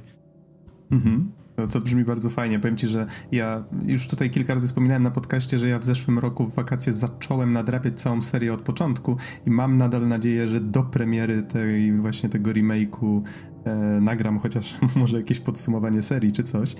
E, tylko, że mam jeszcze w planach skończenie paru części. I dwójka z tych takich klasycznych podobała mi się najbardziej. W sensie dwójka i Code Veronica to wydaje mi się takie bardzo bardzo doszlifowane, fajne części. O, rany, rany, skąd ty bierzesz na to wszystko czas? Ale faktycznie, ale, ale faktycznie... Widzisz, od roku to próbuję jakoś zrobić, więc no nie wiem. No nie, to, te, tego zazdroszczę mocno e, Spierkowi, że udało się zagrać. Ja, ja czekam mm -hmm. strasznie na tego Residenta, bo to jest też moja ulubiona część, ale to co powiedziałeś właśnie, że e, ten Resident z jednej strony jest zrobiony jak, e, jak gra nowej generacji, bo naprawdę zombie się tam, z tego co widziałem na tych gameplayach, świetnie poruszają i tam są takie fajne eventy, że on się tak zbliża do ciebie, prawda, i widać tą skórę w ogóle, jak ona się tam utrzymuje, mm -hmm. to jakieś tam mięch, mięcho zwisające z twarzy, to naprawdę pięk, pięk, pięknie w cudzysłowie zrobione. Ale, ale właśnie z drugiej strony y, ja na przykład się strasznie cieszę, że to nie jest Resident Evil 4, jeśli chodzi o, wiesz, o szybkość akcji, tylko, że to jest y, bardziej takie klimatyczno powolne, że te zombie jednak ruszają się tak, jak się ruszały, no nie, że to nie są jakieś szybko biegacze i tak dalej, tylko, że to jest taki fajny, ciężki klimat. Ja, ja, ja strasznie czekam na to. A pytanko, może jesteście chętni w takim razie, żeby nagrać ten odcinek specjalny o rezydencie, tak już wyprzedzając trochę fakty? E, nie wiem, czy mógł ja tak wiele powiedzieć, bo u mnie jednak, dla mnie de facto przygoda z serią, tak żebym ja grał w tą serię, to zaczęła się z czwórką. E, mhm. Więc mógłbym wspomnieć o późniejszych wciąż... częściach, ale o wcześniejszych nie bardzo. Ja grałem w, w, w wszystkie w sumie, ale najbardziej chyba grałem właśnie w dwójkę. Wow, to e, no nie i, wiedziałem, no że jesteś aż takim fanem. Jestem fanem, ale chyba najbardziej, najbardziej grałem w siódemkę i to na VR-ze, na PlayStation VR. To było, to Dziwię ci się, że, to... że wytrwałeś całość. Powiem ci tak, pamiętasz jak rok temu Ciężko mówiłeś nam, pamiętam to jak dziś, mówiłeś nam Arek, że siódemka na VR jest według ciebie traumatycznym przeżyciem? Jest. Mhm. Mam VR, PSVR, leży tu obok mnie, kupiłem go, grałem w siódemkę rok temu. Mhm. E, jeszcze na pożyczonym VR-ze wtedy. Mniej więcej dałem sobie dwa tygodnie na skończenie go, nie ruszyłem go od roku. Grałem w niego chyba dwie albo trzy godziny i powiedziałem sobie, okej, okay, może wrócę do tego za tydzień. I tak leży. No, no, to znaczy, wiesz co, przyznam szczerze, że jak już potem troszkę więcej pograłem, bo po, początek faktycznie był niesamowicie traumatyczny, bo tam e, każdą tą akcję można było poczuć, no, poczuć właściwie na własnej skórze, no nie? Znaczy, wiesz, jak ktoś, jak, jak koleś cię gonił z piłą łańcuchową, to ja tam się wyginałem w łuk, żeby mnie żeby mi pleców nie, nie, nie, nie, nie dotknął. Ale po, po pewnym czasie e, jakby się do tego trochę przyzwyczajasz. Mhm. Okej, okay, mhm. okej. Okay. Dalej to, jest gęsto, ale jest no, fajnie. Ja na pewno to jeszcze skończę. W takim razie, o, to jest dobry ten, dobry motywator. Skończę to do tego odcinka przed premierą dwójki i wtedy sobie o tym pogadamy. Co wy na to? Pewnie. Super. Spoko. To Spierek, żeby ci już nie, nie, zabierać za bardzo czasu. Nie, spokojnie. Co tam dalej masz? No, to zaraz obok właśnie strefy z Rezydentem była strefa z Devil May Cry. E, z mhm. piąteczką oczywiście. Nice. Którego niestety nie udało mi się zagrać. I byłem, byłem o to strasznie smutny. Kamili udało się zagrać, więc mogę o. tu bardziej zleci, znaczy zrelacjonować jej wrażenia niż swoje, bo niestety tego dnia, kiedy przyszedłem zagrać w, właśnie w Devila, znaczy w obydwa dni próbowałem zagrać w Devil May Cry, i niestety mm, dlatego, że pierwszego dnia straciłem czas na, na Kingdom Hearts i też długo stałem na stoisku jeszcze musiałem coś innego załatwić, to poszedłem tam praktycznie jakby na godzinę przed zamknięciem targów i okazało się, że kolejka jest mniej więcej na godzinę, więc już nie mogłem dołączyć do kolejki, bo nie było pewności, że, że wszyscy w ogóle już stojący w kolejce będą mogli zagrać. E, natomiast drugiego dnia poszedłem tam z samego rana, tylko po to, żeby spróbować jak najszybciej. I powiedzieli mi, że sorry, ale drugiego dnia już tylko prasa może zagrać. Wydaje mi się, że otworzyli to jakoś później w ciągu dnia, ale też za późno się zorientowałem, dlatego nie udało mi się zagrać. Natomiast e, Kamila mówiła, że jej się bardzo podobało. To było też demo około 10-minutowe, gdzie gra, grało się w tą sekcję, którą prezentowali na, na gameplay revealu, czyli właśnie Nero e, i jakby sam początek tej, tej inwazji demonów. E, mówiła, że jakby gameplay bardzo jej się podobał, że był bardzo płynny. E, nie do końca jeszcze jesteśmy, ja jakby wnioskując z trailerów, ona już po zagraniu e, tej mechaniki, gdzie Nero podnosi nowe ręce i jakby każda ręka ma swoją specjalną moc i możesz je teoretycznie wymieniać, ale też tak jakoś trochę dziwnie działa. E, ale zobaczymy, jak to będzie działało w większym rozrachunku. Natomiast wstępne wrażenia są bardzo pozytywne. Ja mogę niestety wypowiedzieć się tylko tak naprawdę na temat tego, że obok tego stoiska był bardzo, bardzo ładny neon z napisem Devil May Cry. W sensie nie w kształcie loga gry, tylko w kształcie tego neonu z sklepu i tego, który jest teraz na, na tym wanie, którym jeżdżą e, w trailerach. E, I była figurka, znaczy górka, taka, taki wyrzeźbiony Nero w skali 1 do 1 postawiony tam e, w takiej specjalnej strefie po to, żeby można było sobie z nim zrobić zdjęcie. Wyglądał niesamowicie realistycznie. E, Kamila była...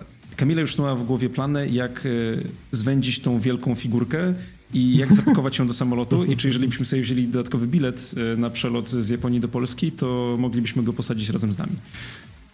Nikt by się nie zorientował.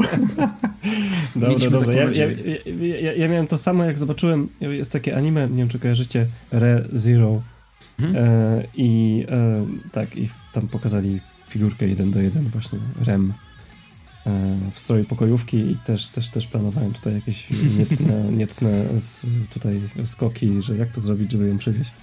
Tak. Ale tutaj musiałbym się jeszcze zmagać z żoną, która mieszka tutaj, no, u mnie razem ze mną.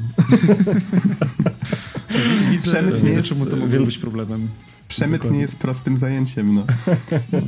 no. więc niestety nie udało mi się zagrać w Devila, e, ale i tak, i tak go kupię jak wyjdzie i tak, więc nie mhm. jestem bardzo smutny. Natomiast e, zniesmaczony poszedłem e, stoisko dalej, gdzie było Bandai Namco, które pokazywało Jump Force. To jest bijatyka, którą zapowiedzieli stosunkowo niedawno. To jest też taki 3D brawler, co prawda nie na kwadratowych arenach, tylko na takich trochę bardziej złożonych, e, gdzie postaci z komiksów, znaczy z mangi Shonen Jumpa e, biją się razem po twarzach. E, więc na przykład mamy Son Goku, który bije Naruto, który bije kogoś tam jeszcze i który i wszystkich ich jeszcze bije na przykład Freezer z, z też z Dragon Balla. Z tego co pamiętam ze zwiastuna była tam postać z One Piece'a, była postać z Death mhm. Note'a. Dragon Ball. Tak, właśnie chciałem, znaczy nie wiem, czy Wydaje mi się, że nie był dostępny w tym demie, ale być może po prostu go przeoczyłem. Bardzo chciałem zagrać e, właśnie z postacią z Death Note'a, bo byłem ciekaw, czy on po prostu będzie obijał ich notatnikiem, czy, czy jak będzie wyglądał jego system walki. Będzie się trzymał z daleka i tylko pisał. Dobra. No, natomiast Dobra. byłem częściowo sceptycznie nastawiony do tej gry, bo tak, tak jak Wydaje mi się, że idea jest ciekawa, że jakby przenoszą te postaci z komiksu, ale w takie mega realistyczne scenerie, to jak patrzę na modele 3D tych postaci, to trochę one wpadają w taki uncanny valley, w sensie, bo one nie są przeniesione w takim cel shadingowym 3D stylu, takim właśnie jak na przykład Guilty Gear albo no nie wiem, większość gier tych franchise, jak na przykład teraz wyszedł ten Dragon Ball Legends, który wygląda absolutnie obłędnie, dlatego że wygląda prawie jak e, bajka, to Jump Force wygląda tak 3D, ale w taki realistyczny sposób, tak właśnie dużo cząsteczek latających w powietrzu, takie właśnie e, mega e, realistyczne materiały, skóry, znaczy no nie, nie, no nie, może przesadzam z tym, że realistyczne, ale jakby takie bardzo połyskliwe materiały, e, pewnie wiecie o co chodzi. E, I nie byłem pewien tego, jak to będzie wyglądało w akcji i w akcji wygląda naprawdę fajnie. W sensie jak gra działa w 60 fps i jak te postaci cały czas znikają, teleportują się, wyprowadzają ataki, ładują jakieś specjalne coś, to plastikowość tych modeli nie przeszkadza aż tak bardzo. W momencie, kiedy faktycznie ktoś wyprowadza jakiś taki potężniejszy atak, gdzie jest zbliżenie na jego twarz, kamera robi jakieś rzeczy, to trochę z powrotem to zauważamy, ale w takim minut-minut gameplayu nie przeszkadza to aż tak bardzo. Mhm. A jeżeli chodzi o system, sam system walki, to właśnie, no właśnie wszystko, jest, wszystko jest właśnie takie bardzo dynamiczne i bardzo właśnie e, no nie wiem, tak jak, tak jak wspominałem, postaci skaczą z miejsca na miejsce, cały czas idą jakieś teleporty. W momencie, kiedy większość postaci ma jakieś uniki, typu, że właśnie kiedy atak przeciwnika miałby ją uderzyć, to ona wyskakuje na przykład za jego plecami i mówi, haha, jednak jestem tutaj i wyprowadza jakąś kontrę. E, e, I generalnie właśnie porównując to do Killa Kill, to w Jump Force grało mi się mega dużo przyjemniej. Hmm, to szkoda właśnie, że tam nie wcisnęli chociażby paru postaci z tego um, z Killa Killa. A wiesz co, jeszcze chciałem zapytać, czy jest tam jakiś system zniszczeń, czy to wszystko jest w takim raczej statycznym otoczeniu? Mm, wydaje mi się, że jest jakiś pomniejszy system zniszczeń. Wydaje mi się, że w środowisku, już teraz nie pamiętam dokładnie, bo to było półtorej miesiąca temu, ale w środowisku są jakieś takie elementy. My graliśmy na przykład, biliśmy się na mapie y, w, y, miejskiej, w sensie w takim jakby centrum miasta. E, może nawet był to Nowy Jork, nie jestem pewien. E, I jakby w samym jakby na mapie znajdowało się trochę takich elementów, które można było zniszczyć, typu samochody i e, znaki, ale nie było jakby większego systemu zniszczenia, żeby na przykład właśnie niszczyć budynki albo tego typu rzeczy. Mhm, okej. Okay. Tak jak wspominałem, nie jestem tego stuprocentowo pewien. Być może mi się tylko wydawało. No spoko, spoko, ale to brzmi w każdym razie całkiem, całkiem fajnie i nawet wyglądało na zwiastunach e, ciekawiej niż, niż ten Kill la Kill. Trochę szkoda, bo taki zmarnowany potencjał i nie mogę tego przeboleć. No, ale to na pewno bawiłem się całkiem nieźle. Wydaje mi się, że to nie będzie niesamowita, nie wiadomo jaka bijatyka, ale jeżeli ktoś jest fanem tych postaci, to wydaje mi się, że na tej grze się nie przejedzie. Okej. Okay. To czy coś jeszcze miałeś okazję ograć? Bo ja tutaj na liście z tego, mm. co widzę, no, mam takie rzeczy... dwie gry. Aha, to, to w takim razie powiem ci, jakie, na jakie ja tutaj patrzę. Judge Eyes yy, i Sekiro Shadows Die Twice i jeszcze zastanawiałem się, czy miałeś okazję może zagrać w Left Alive. E, Left Alive nie miałem okazji, ale o tych pozostałych dwóch zaraz opowiem. Więc właśnie na stoisku Segi e, znajdowało się trochę ciekawych rzeczy. Znajdowało się na przykład stoisko z personą Q2 e, Shadow of the Labyrinth, tak mi się wydaje. E, pokazywano na 3DS-ie, ale nie specjalnie chciało mi się tam stawać w kolejce, bo wyglądała na większą niż... Znaczy, no, miałem już mało czasu i wolałem jakby skupić się na takich większych tytułach. E, tylko napomknę, że stoisko właśnie tej persony było wystylizowane na kawiarnię z Persony 5. To był bardzo, bardzo fajny motyw. Właśnie były... Znaczy, 3DS-y były zamontowane na takiej właśnie ladzie barowej, a po drugiej stronie stał taki wycinany z kartonu e, e, właśnie ten... Sojiro? Sojiro z, z Persona 5, co było bardzo, bardzo spoko. E, I obok tego Czy podawał było... jeszcze kawę i, i kary? Nie, nie, nie, on był wycięty z kartonu, więc nie podawał niczego. O, Ale można no, było Robotyka w Japonii, te sprawy. No. no, a obok było e, wielkie stoisko właśnie z Catherine Full Body, e, które było jakby... Stoisko było w kształcie takiego wielkiego walca i wchodziło się do stoiska e, przez majtki trzeciej Katrin. W tak, sensie, to widziałem gdzieś, to tak, widziałem gdzieś na jakimś zdjęciu. Tak, była mhm. gigantyczna właśnie e, z przodu była gigantyczna e, jakby wymalowana czy wydrukowana Katrin e, i jakby lekko podnosiła rąbek swojej spódnicy i w ten sposób się wchodziło do, do tej strefy, żeby zagrać w demo. Ja nie poszedłem zagrać w demo, Kamila zagrała i mówiła, że generalnie było takie samo chyba jak pierwsze zagadki, czy jak demo e, pierwszej Catherine, tylko chyba ostatnie dwie minuty gry były troszeczkę inne, w sensie, bo tam była jakaś nowa cutscenka, ale generalnie mówiła, że to była trochę strata czasu, bo jako osoba, która zagrała w oryginał, nie dowiedziała się aż tak dużo nowego. Mhm, i właśnie też jako osoba, która zna oryginał i w sumie cenię sobie tę grę, bo jest naprawdę solidna, yy, fajna, nastrojowa, to boję się, że oni zepsują tę fabułę, wrzucając tam, nie wiem, czy na siłę, czy nie, właśnie tę trzecią postać. No zobaczymy. Mam mm. pewne obawy. Znaczy, ja... ja, ja tutaj jestem troszkę, yy, troszkę się zachowałem jak, jak fanboy, yy, ale, ale jednak, nie wiem, ufam Atlusowi i mam wrażenie, że Znaczy, dla mnie na pewno będzie super zagrać jeszcze raz i przejść jeszcze raz, bo jest nowa postać i może być ciekawie, mogą być fajne nowe mm, Absolutnie. Zresztą, no, zresztą Rin też, no nie wiem, fajnie wygląda po prostu na tych screenach. Ja nie wiem, czy to jest potwierdzone odnośnie tam jej y, tożsamości i tak dalej, ale, ale, y, ale generalnie to mnie to ciekawi. No po prostu, zresztą, nie, wiem, no, kolejna gra, która w jakiś sposób nawiązuje do persony, to ja to po prostu kupuję. No, mamy, mamy tego zdecydowanie za mało. Persona 6 pewnie będzie dopiero gdzieś za jakieś 4 lata, tak? Oj tak, szczególnie, że teraz robią to refantasy. To pewnie tak, im trochę tak. zajmie. No chyba, że to refantasy będzie jak Persona, tylko w świecie fantazji to jeszcze bardziej jestem podniecony. To by było całkiem ciekawe. Ale to, tak, mo może po prostu jestem trochę salty, że nie robią powiedzmy Catherine 2 albo czegoś zupełnie nowego w tym stylu, bo to by było fajne. Znaczy, no, przynajmniej nie, jak przynajmniej nie robią Katrin Immortal na, na, na, na, na ten, na komórki. Jak, jak spojrzeć na sytuację studia, to jednak ma to bardzo dużo sensu, bo Catherine to jest taki trochę niszowy hit tytuł, który nie sprzedał się, znaczy sprzedał się spoko i podobno na zachodzie nawet lepiej, ale nie sprzedał się jakoś niesamowicie, natomiast ma cult following, w sensie jest sporo fanów, którzy bardzo, bardzo lubią tą grę, więc e, w sytuacji, w której właśnie ludzie z Persony założyli swoje własne osobne studio, e, Studio Zero w Atlusie, to dla nich zaczęcie właśnie tego nowego projektu, jakim jest Refantasy i jednocześnie zrobienie HD portu ich starszej, ale w sumie zamkniętej, ale też bardzo lubianej przez pewne grono ludzi gry ma bardzo dużo sensu. Wydaje mi się, że to jest spoko strategia. Mhm. Przemawia do mnie argument, który gdzieś słyszałem, że ze względu na to, że, że ten taki kompetytywny, czy właściwie speedrunowa scena, tak? Związana z turniejami um, um, Katrin i tego trybu Babylon się bodajże nazywał, że się wspina po tej wieży na czas, um, że odświeżenie tej gry po to przede wszystkim ma sens. No to faktycznie jest ok. Boję się właśnie, że tą fabułę trochę tam uszkodzą, ale mam nadzieję, że, że faktycznie Arek ma, masz rację, że trzeba zaufać Atlusowi po prostu.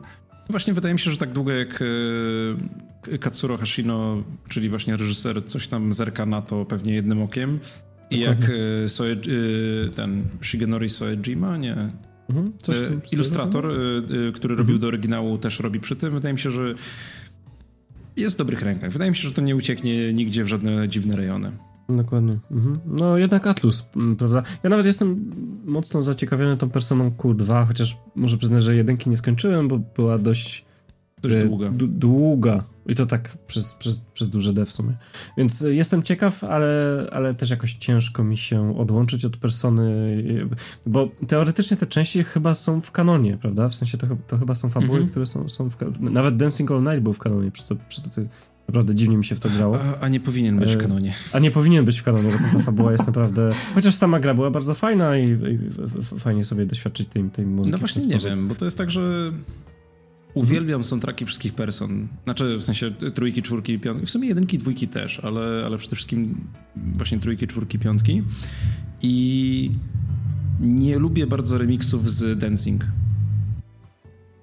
Wszystkie, wydaje mi się, że prawie wszystkie remiksy ze wszystkich dancingów, większość z tych kawałków jest gorsza niż ich oryginały, więc mhm. ja personalnie do tego nie mogę się przebić przez dancing, a też mechanika rozgrywki jest też taka trochę dziwna i nieprzyjemna, nie wiem. Okej, okay, okej, okay, okej. Okay. Ja może tutaj rytmiczne. ślepo patrzący, wiesz, na, na Atlusa. No, ale, ale, nie, wiesz to mi, mi, się, mi, się, mi się podoba. nawet kupiłem sobie soundtrack i... i nie, znaczy... I oczywiście oryginały to jednak są oryginały, szczególnie z Persony czwórki, Golden, to, to, to jest dla mnie muzyka chyba mhm. zawsze będzie najlepsza, bo też to była pierwsza część, którą zagrałem i chyba to tak jest głównie, nie? że ta, którą pierwsza zagrasz, to jest potem E, najlepsza dla ciebie. Jakiś taki trend jest chyba. E, no, ale zobaczymy. No, te kolejne części e, kupię. No, ale a, to, takie... jest Atlus, a, to jest Atlus, no zobaczymy. Areka, takie pytanie niespodzianka do ciebie. Przeszedłeś mhm. już piątkę? tak myślałem, że to pytanie się, się, się pojawi. Wyobraź sobie, że nie, ale, ale jak najbardziej nie znaczy to, że, że, że mi się przestało podobać czy coś takiego. Jest, jestem już na końcu. E, no muszę przyznać, że gra jest faktycznie długa. Cierpię mm -hmm. trochę mhm. na nadmiar pracy i, no, rozumiem, i, jak najbardziej. I, i, i brak czasu. Skończę niedługo, myślę. Myślę, że skończę spoko, niedługo. Spoko, ale, ale, to, ale to jest tak, wiesz, ja, ja, ja, słuchaj, w czwórkę grałem rok czasu i, -hmm. i, i, tym bardziej dewastujący był, był koniec, kiedy musiałem faktycznie, wiesz, po, pożegnać się z tymi wszystkimi A może będzie okazja, nie wiem, jak będziemy rozmawiać na przykład oby, jak wyjdzie teraz u nas na zachodzie te dancingi nowe, mhm. to może będzie okazja porozmawiać, może do, wtedy. No. Pytanie znowu się pojawi, magiczne, już, wraca to... jak bumerang. nie no, że będę musiał skończyć, bo to już żenująco trochę brzmi, no nie? Taki fan persony tutaj skończyłeś? Nie. No, ja, ale jak najbardziej rozumiem, nie każdy ma czas grać, zwłaszcza, że Persona to jest strasznie, strasznie długa gra, ja to jak najbardziej jest. Mhm. rozumiem. E, Okej, okay, Spierek, tak sorga, Wróćmy do tego Tokyo Game Show. Nie, w sensie sam, sam też wyskoczyłem na te tematy poboczne. E, wróćmy do Tokyo Game Show, bo właśnie obok stoiska Atlusa było gigantyczne stoisko Judge Eyes, czyli czy Project mhm. Judge, czy jakkolwiek to się będzie nazywało na zachodzie. Yakuza. Czyli mhm. połączenie Yakuza, Yakuza z Phoenix Wright. Tak, Yakuza mhm. Phoenix Wright. E, to jest gra, którą oni odsłonili chyba tydzień albo dwa przed, e, przed Tokyo Game Show, właśnie na tym PlayStation Lineup Tour. E, nikt wcześniej nie widział tej gry i oni byli tacy, hej, to jest gra, pokażemy, znaczy tutaj macie jak ta gra wygląda, będziecie mogli zagrać na Tokyo Game Show, zrobimy demo, gra wychodzi w grudniu za trzy miesiące. Co jest czymś, czego u dużych publisherów i właśnie takich sporych tytułów nie widzi się tak często w dzisiejszych dniach. I właśnie tak jak się śmiejemy trochę z tego, że to jest Yakuza Phoenix Wright, ale to ta gra to jest, to jest Yakuza. To jest po prostu, jest przez to samo studio, ten sam wydawca i gameplay jest niesamowicie podobny i podejście do rozgrywki jest niesamowicie podobne. E, system walki jest przeniesiony praktycznie jeden do jeden, w sensie w momencie, kiedy zaczyna się walka, to mamy jakby taką małą zamkniętą strefę, w której ta walka się toczy. E, mamy przeciwników, mamy możliwość podnoszenia rzeczy i rzucania nimi i, bicia się, w sensie możemy podnieść rower z, z chodnika i zacząć kogoś bić tym rowerem. E, te elementy się oczywiście psują. Nasz, nasza postać ma trzy style walki, podobnie jak właśnie w Jakuzach. Jest mega, mega podobne. E, to, co rzuciło mi się oczy, w oczy w samym demie, e, a, w ogóle może jeszcze trochę narysuję setting, bo co prawda gadaliśmy o tym w naszym odcinku o PlayStation Line Up Tour, ale nie jestem pewien, czy wszyscy. Właśnie e, miałem o to zapytać. Przypomnij mi, jesteśmy, jesteśmy prawnikiem, który leje ludzi rowerem.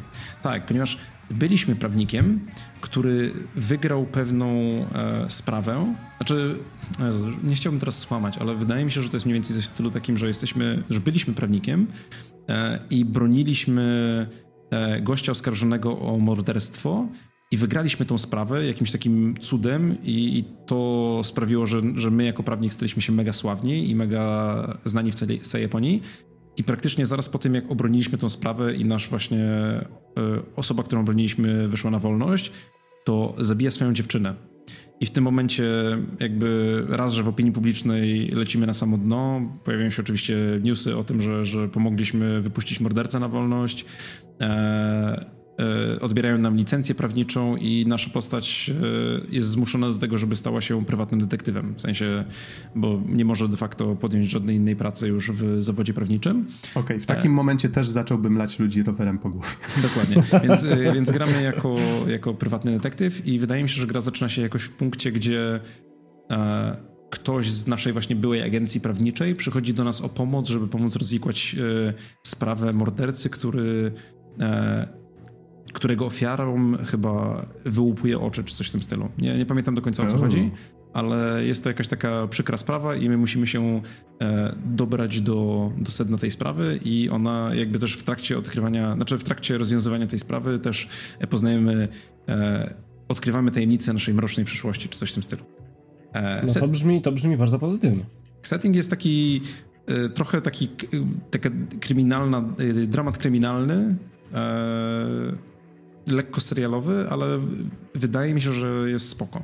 Natomiast sam gameplay jest właśnie mega, mega podobny do Yakuzy. Dzieje się zresztą w tym samym mieście, właśnie w Kamurocho, e, które możemy sobie zwiedzać. Co prawda demo było pod tym względem bardzo ograniczone, bo praktycznie od razu wrzucało nas w misję fabularną i w tej misji fabularnej na początku musieliśmy e, śledzić cel. Znaczy na samym początku mieliśmy oczywiście, jak to w Jakuzie, 10 minut cutscenek, które co prawda można było przewijać. Cutscenki wszystkie były voiceowane i wszystkie w ogóle elementy gameplayu też były voiceowane, co wydaje mi się, że nie wiem, czy utrzymają to przez całą grę, czy to było tylko w samym demie, ale w Jakuzie na przykład było tak, że na zmianę mieli elementy, które były, w których faktycznie był e, dubbing, ale mieli też sporo momentów, kiedy postaci porozumiewają się tylko jakby tekstowo, w sensie nie, nie było głosu. Mhm. Wydaje mi się, że Eyes może mieć e, jakby całkowicie, e, być całkowicie voice aktowane Tym bardziej, że pod głównego bohatera głos podkłada jakiś mega znany japoński aktor i to jest w ogóle też e, jakby ważna część marketingu tej gry, że ten aktor, ten aktor e, podkłada głos pod głównego bohatera. E, nie jestem w stanie sobie przypomnieć, jak się nazywa, ale podobno jest mega sławny. Natomiast i jakby gameplay jest też okraszony takimi właśnie mm, czynnościami związanymi z pracą detektywa, więc na przykład na samym początku gry dostajemy informację, że musimy prześledzić, znaczy musimy wyśledzić, e, tfu, musimy wytropić jakiegoś gościa, bo coś tam. E, I dostajemy informację, że ten, znaczy dostajemy zdjęcie tego gościa, następnie idziemy do wyznaczonej lokacji i w tej lokacji stoi kilku NPC-ów i następnie my jakby zbliżamy się kamerą, kamera przechodzi w tryb pierwszoosobowy i musimy się rozejrzeć po okolicy i zobaczyć, który która z tych postaci spełnia te wszystkie cechy charakterystyczne, które widzimy na zdjęciu. W sensie, że postać ma na przykład, nie wiem, pieprzyk pod prawym okiem i ma taki lekko zadarty nos i ma, nie wiem, yy, podbite oko i ma coś tam jeszcze i wszystkie te rzeczy muszą się zgadzać. Następnie jak wytropiliśmy nasz cel, to musimy skradać się po mieście za nim w takim, no trochę standardowym stylu. W sensie jest to taki... E, misja ze skradaniem za kimś, gdzie postać idzie sobie po mieście i czasami się odwraca, musimy się kryć za jakimiś tam elementami otoczenia. Więc na przykład wchodzimy w tłum, żeby e, się schować za nim, albo kucamy za jakąś barierką. E, I następnie, jak już przeszliśmy tą całą długą sekcję skradania się, to musieliśmy podsłuchać jego rozmowę telefoniczną, wypuszczając drona, którym mogliśmy właśnie podlecieć i E, jakby z góry zacząć podsłuchiwać jego rozmowę, a potem koleś się zorientował, że go podsłuchujemy, więc musieliśmy zacząć za nim biec. Jest taka właśnie sek sekwencja, e, gdzie gonimy go po ulicach, e, w odpowiednich momentach wciskając quick time eventy no i na końcu musieliśmy jeszcze mu sklepać, sklepać twarz, jak, jak już go dogoniliśmy. Rowerem. Tak. Tak. No, obowiązkowo. E, więc z jednej strony brzmi, znaczy z jednej strony bardzo dużo z, tego, z tej rozgrywki jest taka typowa jakuzowa, w sensie rzeczy są przeniesione dosłownie jeden do jednego. Z drugiej strony ma taki, mamy takie elementy, które jakby są wyjęte trochę z innych gier, ale mamy też właśnie trochę takich własnych innowacji, typu e, właśnie to odszukiwanie NPC-a po, po zdjęciu, które otrzymujemy, albo musimy znaczy, tego już nie było w tym demie, w którym ja grałem, ale widziałem na trailerach, że na przykład są takie rzeczy typu e, wiemy, że ta znana osobistość z jakiejś tam firmy czasem chodzi do tego klubu, żeby spotykać się z paniami, więc musimy zrobić mu zdjęcie, żeby móc go potem e, blackmailować. E, znaczy w sensie, szantażować. O, to jest to polskie tak. słowo, którego szukałem. Że musimy go szantaż, żebyśmy mogli go szantażować, żeby dostać jakieś informacje od tego i to jak dobrze zrobimy to zdjęcie, w sensie czy widać na nim na przykład logo tego miejsca, do którego wchodzi, czy wchodzi trzymając kogoś za rękę, e, jak dobrze widać jego twarz, to to wszystko jest punktowane i to też jakby się przeliczy na jakieś tam e, Właśnie. to, jak dobrze Właśnie. możemy go szantażować. To wszystko, co mówisz, jest bardzo fajne, ale najważniejsze pytanie brzmi, czy będzie można prowadzić bar z hostessami. Nie wiem, czy można prowadzić bar z hostessami, ale jest scena VR. E, jest jeden, znaczy wydaje mi się, że to też działa tak, że idziemy do specjalnych miejsc w grze i tam mamy te, takie minigierki, ale w demie była też osobna sekcja, gdzie można było przetestować właśnie VR-owe minigierki, bo są na przykład wyścigi dronów, e, są chyba jakieś minigierki taneczne i oczywiście jak w każdej Jakuzie jest mnóstwo e, starych gier Segi przeniesionych do tej gry po to, żeby można było sobie w nie, w nie grać w tej grze. E, I no jakby tak jak można się spodziewać po Jakuzie, tego jest sporo i można na to samo spędzić pewnie, nie wiem, z 10 godzin, nie tykając w ogóle fabuły gry. Tak mhm. zastanawia mnie jedna rzecz, bo wspomniałeś o tym, że dużo rzeczy jest właśnie podobnych do Jakuzy, i mam wrażenie, że jeżeli ktoś nie widział nigdy Jakuzy na oczy, to nie zdaje sobie sprawy, co to znaczy, bo jak opisywałeś no tak. te zdarzenia, to to jest wszystko takie bardzo filmowe, fajne i od razu wszyscy co sobie myślą o raczej zachodnim kinie, a Jakuza jest taka ostro przerysowana. Jak widziałem gameplay tego Judge Eyes, to jak oni się tam walą po tych mordach, są jakieś partikle, jakieś tam, nie wiem, ogień z pięści, są chyba takie rzeczy tam, nie? tak, w sensie, znaczy, no to jest taka, taka właśnie przerysowana filmowość Jakuzy, gdzie bardzo ważnym elementem jest to, że właśnie nigdy nie zabijamy nikogo. Jak, jak już kogoś zabijamy, to jest takie uach, e, po czym 5 sekund później wychodzisz e, na miasto, spotykasz jakichś ulicznych chuliganów, którzy zaczynają, znaczy, którzy jakby szukają bójki, po czym bierzesz jednego w pół, rzucasz go na ziemię, łamiąc mu kręgosłup i z niego wypadają pieniądze.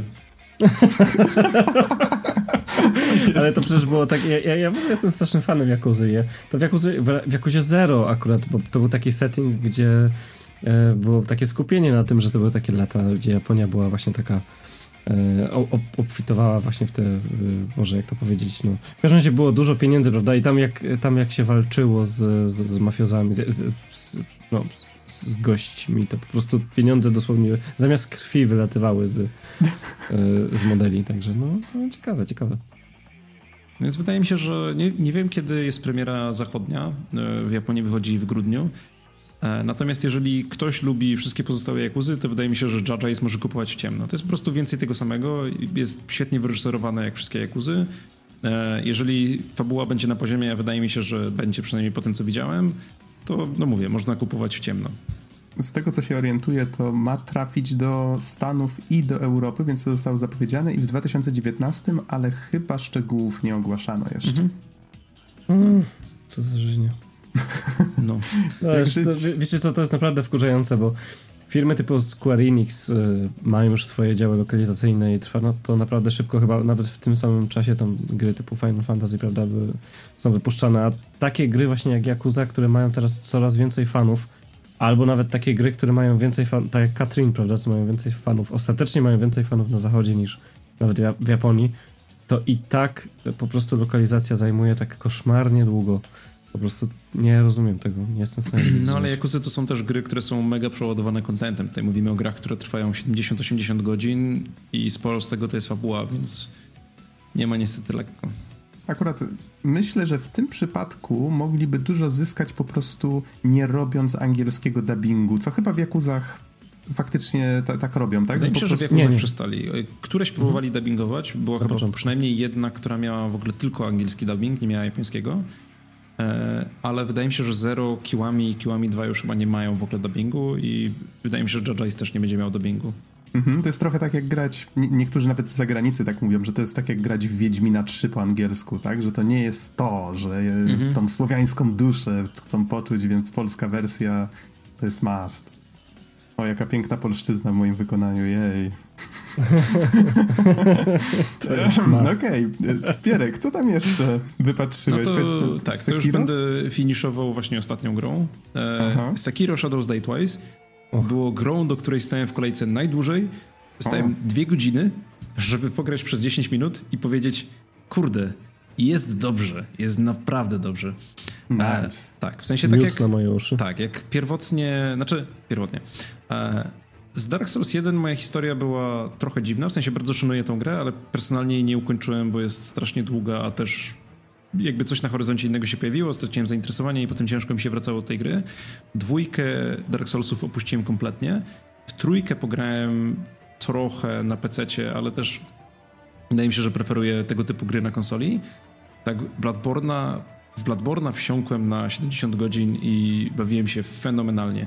Bo jak grałem w jedynkę Dark Soulsów, to zrobiłem to trochę niepoprawnie, w sensie e, bardzo mocno grałem, znaczy e, podczas rozgrywki bardzo dużo używałem e, wiki i czy, czytałem o sekretach i w ogóle. I wydaje mi się, że to, to mi trochę zepsuło radość z grania w tą grę, ale nie zdałem sobie sprawy z tego wystarczająco szybko, podczas kiedy grając w Bloodborne'a grałem kompletnie w ciemno i to też już długo po premierze, e, ale właśnie grałem tak kompletnie y, czytając notatki, eksperymentując samemu. Pierwsze godziny gry były trudne, natomiast jak już wsiąkłem, to wsiąkłem. To było takie ciśnięcie praktycznie każdego wieczoru tej gry i, i zmaganie się z nią i bawiłem się fenomenalnie. I Sekiro wydaje mi się, że Sekiro to będzie takie drugie Bloodborne.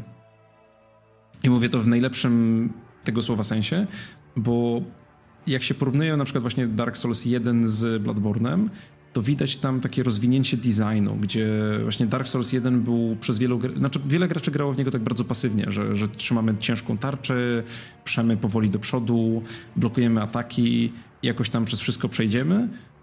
I Bloodborne wyrzuca tą całą filozofię rozgrywki za okno, wrzucając y, rewolwery, ale zabierając nam właśnie tarczę i zabierając nam możliwość blokowania. Jedyne co możemy to parować, ale parowanie jest bardzo trudne i trzeba się go dobrze nauczyć.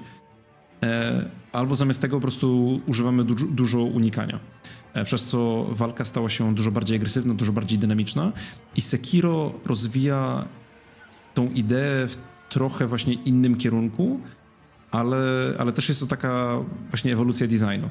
No Sekiro ma, znaczy jakby na, na, na takiej płaszczyźnie walki i takiego czystego gameplayu jest mega podobne do Soulsów. W sensie jak walczymy z przeciwnikiem jeden na jeden, no to czujemy się po prostu jakbyśmy grali w Soulsy, tylko że w takiej właśnie feudalnej Japonii, ale cały jakby taki minute-to-minute gameplay został wzbogacony o dwie rzeczy. Przede wszystkim mamy platforming. Jest to pierwsza gra z serii Soulsów, która ma przycisk do skakania, czego nie było wcześniej. I faktycznie nasza postać jest dużo bardziej zwinna, w sensie możemy się, e, ws, e, możemy się wspinać na obiekty, możemy się chwytać e, krawędzi e, i, i, podciągać. E, postać może skakać i przede wszystkim dostajemy e, grappling hook, w sensie linkę z hakiem, za pomocą której możemy się przyczepiać do pewnych punktów w świecie. Nie, nie, nie możemy jej używać tak jak w Spider-Manie, żeby się przyczepić do wszystkiego i wejść po dosłownie każdej ścianie, ale co w niektórych miejscach pojawiają się takie zielone punkty jak odpaliłem w tym momencie linkę, to możemy się przyciągnąć do tamtego miejsca. Ewentualnie w niektórych miejscach możemy też wykorzystać linkę, żeby na przykład przeskoczyć nad przepaścią, e, co sprawia, że jakby cały design świata staje się taki mniej foremny, nazwijmy to. W sensie jest mniej płaskich przestrzeni, pojawia się więcej na przykład dziur, pojawia się więcej elewacji, możemy się wspinać po rzeczach, możemy szukać sekretów, które są poukrywane w ten sposób. I świetnie to właśnie widać w demie w jednym miejscu, gdzie na początku zaczynamy właśnie w takim trochę bardziej y, tradycyjnym, tradycyjnym settingu, w sensie e, wspinamy się po takich wysokich schodach i tam są jakieś zamki, ale potem skręcamy w bok i mamy właśnie takie duże przepaście, nad którymi zawieszone są y, gałęzie drzew. Używając tej y, linki na tych gałęziach możemy przeskakiwać po sekcjach tej przepaści, e, uciekając przed takim wielkim, znaczy chowając się przed takim wielkim wężem. E, I jeżeli nie schowamy się wystarczająco szybko, to on nas atakuje, zżerając tam prawie że całe życie. Więc, e, więc trzeba bardzo uważać. E, I świetnie się to łączy z drugą sporą zmianą w gameplayu, mianowicie z tym, że pojawiły się, pojawiły się faktyczne mechaniki stealth. I nie jest, znaczy skradania się cały czas używam angielszczyzny tutaj w taki, w taki mega nieprzyjemny sposób. E, pojawiła się jakby cała sekcja mechaniki związanej ze skradaniem. Mianowicie nasza postać może kucać. Jak kucamy w wysokiej trawie, to przeciwnicy nas nie dostrzegają aż tak szybko, a my też, y, będąc schowani w trawie, jeżeli przeciwnik się zbliży, to możemy go zabić jednym ruchem. Po prostu jakby łapiemy go i, i sztyletujemy i zabijamy na raz y, w tej wysokiej trawie. I też my znaczy, było to, było to już w poprzednich Soulsach e, zaimplementowane, że mogliśmy skradać się, znaczy podejść po cichu do przeciwnika od tyłu i wykonać na nim e, atak, który zżerał mu większość życia, ale tutaj jest to podciągnięte trochę bardziej i jakby działa też w wygodniejszy sposób, bo w starszych e, Soulsach jakby wykonanie tego, tego zabójstwa z ukrycia czasami wchodziło, czasami nie. I mnie to na, na przykład personalnie irytowało strasznie, kiedy jesteś niby w dobrym miejscu, robisz niby wszystko jak, tak, tak, jak trzeba, po czym twoja postać atakuje normalnie i przeciwnik się e, odwraca w twoją stronę i zaczyna, zaczyna ciebie niszczyć. E, tak tutaj... Welcome to Dark Souls. Tak, dokładnie. Tak w Sekiro jest to trochę lepiej wyważone i trochę chętniej wchodzą te stealth kille. Natomiast to, co jest też fajne, no i oczywiście przeciwnicy też mają właśnie, jeżeli jeszcze nie wiedzą o naszym istnieniu, to na przykład jeżeli zaczynają nas widzieć kątem oka, to pojawia się nad nimi taki wskaźnik, jeżeli napełni się do końca, to on wtedy zaczyna iść w kierunku, w którym nas ostatnio widział, żeby sprawdzić, czy tam jesteśmy e, i to pozwala nam na przykład manipulować e, tym, gdzie są strażnicy, żeby się przekraść. Nie jest to najwyższych lotów stealth, nie, są to, nie jest to na przykład aż tak dobre mechaniki skradania się, jak na przykład powiedzmy w Hitmanie z 2000, 2016, ale jako całość działa bardzo fajnie i bardzo fajnie łączy się z tym gameplayem source'owym, więc dajmy na to e, ta sekcja, którą ja grałem w demie, e, było już pokazywane na jakichś gameplayach w internecie, więc prawdopodobnie możecie znaleźć to samo, ale właśnie jest taka na przykład duża, otwarta strefa, w której jest kilku strażników w różnych miejscach i na środku jest taka klatka z takim gigantycznym, nie wiem jak go nazwać, takim ogrem, golemem, taki człowiek 3 na 2 metry, w sensie 3 wysokości, e, który jest skuty kajdanami. I właśnie to od nas zależy, jak chcemy rozwiązać tam, tamtą sytuację, bo my jako gracz możemy kompletnie ominąć całą tą sekcję, w sensie możemy po prostu skraść się bokiem i przejść dalej i po prostu pójść dalej, nie walcząc z nikim, albo możemy zakraść się i powoli eliminować wszystkich strażników najlepiej jak potrafimy, w sensie zakradać się do wszystkich tych i zdejmować ich i ukrywać się jak nas zauważają, e, po to, żeby na samym końcu po prostu zignorować tego ogra w klatce albo, albo z nim walczyć sam na sam, albo możemy po prostu wskoczyć tak jak tu stoimy na sam środek i wtedy strażnicy zauważają nas, otwierają tą klatkę, ten ogr zaczyna uderzać wszystkich i, i atakować. E, I jakby to, to, nam jako graczowi zostaje swoboda. I to, jest, to, co jest jeszcze fajne, to jest to, że e, postaci mają paski życia. W sensie wszyscy y, słabsi przeciwnicy, tacy normalni żołnierze, których możemy właśnie załatwić, mają na przykład po jednym pasku życia.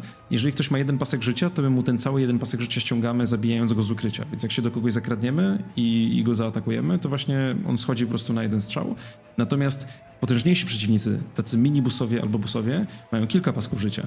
Więc nawet jeżeli będziemy sam na sam z takim powiedzmy generałem, który ma dwa albo trzy paski życia jeżeli się do niego zakradniemy, to i tak nie będziemy w stanie go zabić jednym uderzeniem, co sprawia, że, że musimy jakby planować, że okej, okay, tych mogę się pozbyć, ale tego jednego nie muszę, więc czy chcę zaryzykować i walczyć z nimi wszystkimi naraz, czy chcę zaryzykować i pozdejmować ich wszystkich po kolei, a potem zająć się dopiero bossem, to jest wybór, który zostaje tylko nam.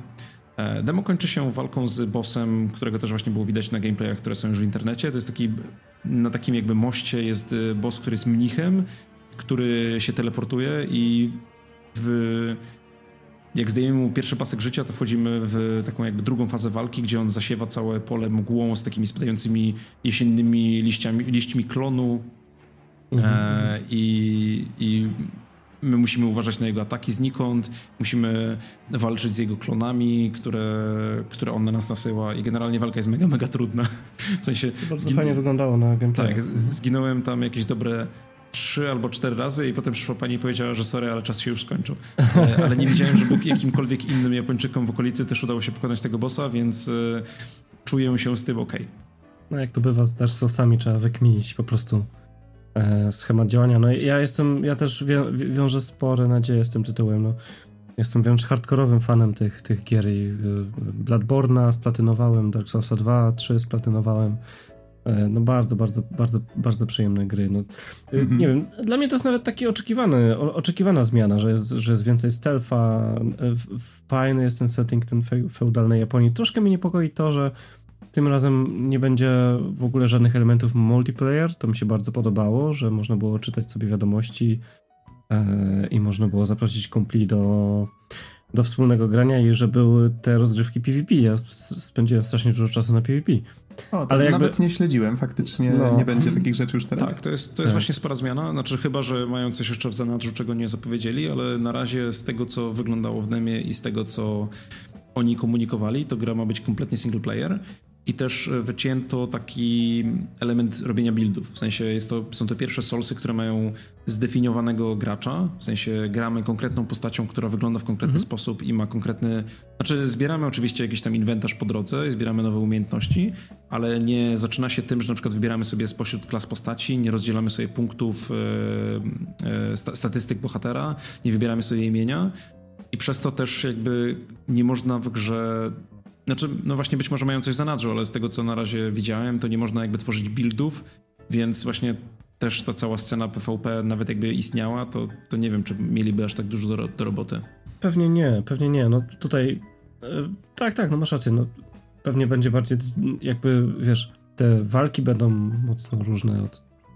E, no, rezygnując z czegoś takiego, no to automatycznie wprowadzamy więcej skilla i to jest chyba fajne podejście, nie wiem, mi się, mi się, mi się podoba. Ja, ja w Dark Soulsie bardzo lubiłem rozwijać postać, dodawanie punktów i, i, i, tego wszystkiego było, było, było uzależniające, ale z, z, drugiej strony, jak tego nie ma, tylko trzeba polegać na, własnym, na własnych umiejętnościach, czemu nie? No, myślę, że mhm. fajnie. Myślę, że ja fajnie. Muszę przyznać, że ja też jestem otwarty na zmianę, bo o ile przeszedłem każdą, tak, chyba, chyba wszystkie przeszedłem części, łącznie z Demon Souls, które jako jedyne splatynowałem. E, piękne było też. Mhm. tak, tak, to prawda. Byłem oczarowany tą grą. E, zresztą chyba była zrecenzowana przeze mnie w jednym z pierwszych odcinków podcastu H10, mhm. czy któryś tam, i to była chyba jedyna recenzja którą nagrywaliśmy dwa razy, bo po nagraniu się zorientowaliśmy, że plik był pusty i wszyscy byli załamani, że nie, Nox będzie drugi raz o tym wszystkim mówił, nie.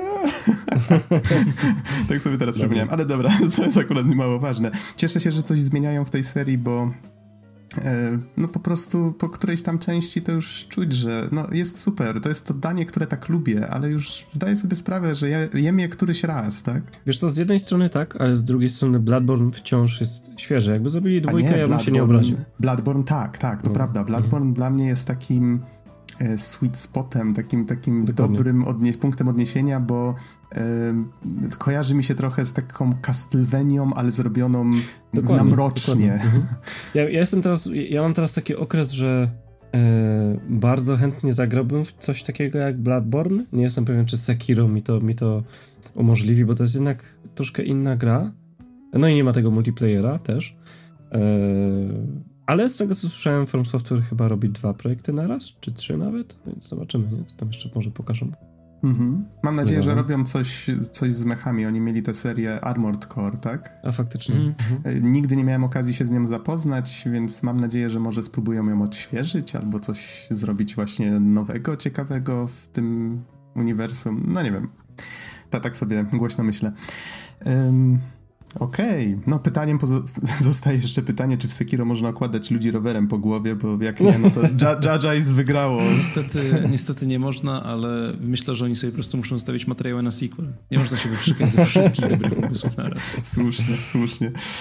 E, no dobrze, czy w takim razie jeszcze, jeszcze chcemy o jakiejś grze porozmawiać, czy to już wszystko, co miałeś okazję zobaczyć? Wydaje mi się, że ja ze swojej strony powiedziałem już o wszystkich rzeczach, które zapadły mi w pamięć na TGS-ie, a zdecydowanie o tych grach, które, e, na które wydaje mi się najwięcej naszych słuchaczy czeka. Mhm. Ale dużo, dużo fajnych rzeczy nam tutaj opowiedziałeś. Fajnie, że, że się podzieliłeś tym wszystkim. No i jestem pewien, że na pewno wrócimy do przynajmniej części z tych gier. Zobaczymy w przyszłym roku, czy kiedy one wyjdą. Przy okazji tutaj jak sobie rozmawialiśmy przez ostatnie półtorej godziny, to myślę, że też trochę przypadkiem wyszło, ale żeśmy zaplanowali, myślę, parę następnych specjali. Mam nadzieję, że z Arkiem również. Ja, ja, bardzo chętnie. Więc dzięki Arek przede wszystkim, że dołączyłeś do nas w tym odcinku. To ja dziękuję. No i również dziękuję bardzo naszym słuchaczom za uwagę i do usłyszenia w następnych odcinkach. Trzymajcie się. Na razie. Na razie, hej.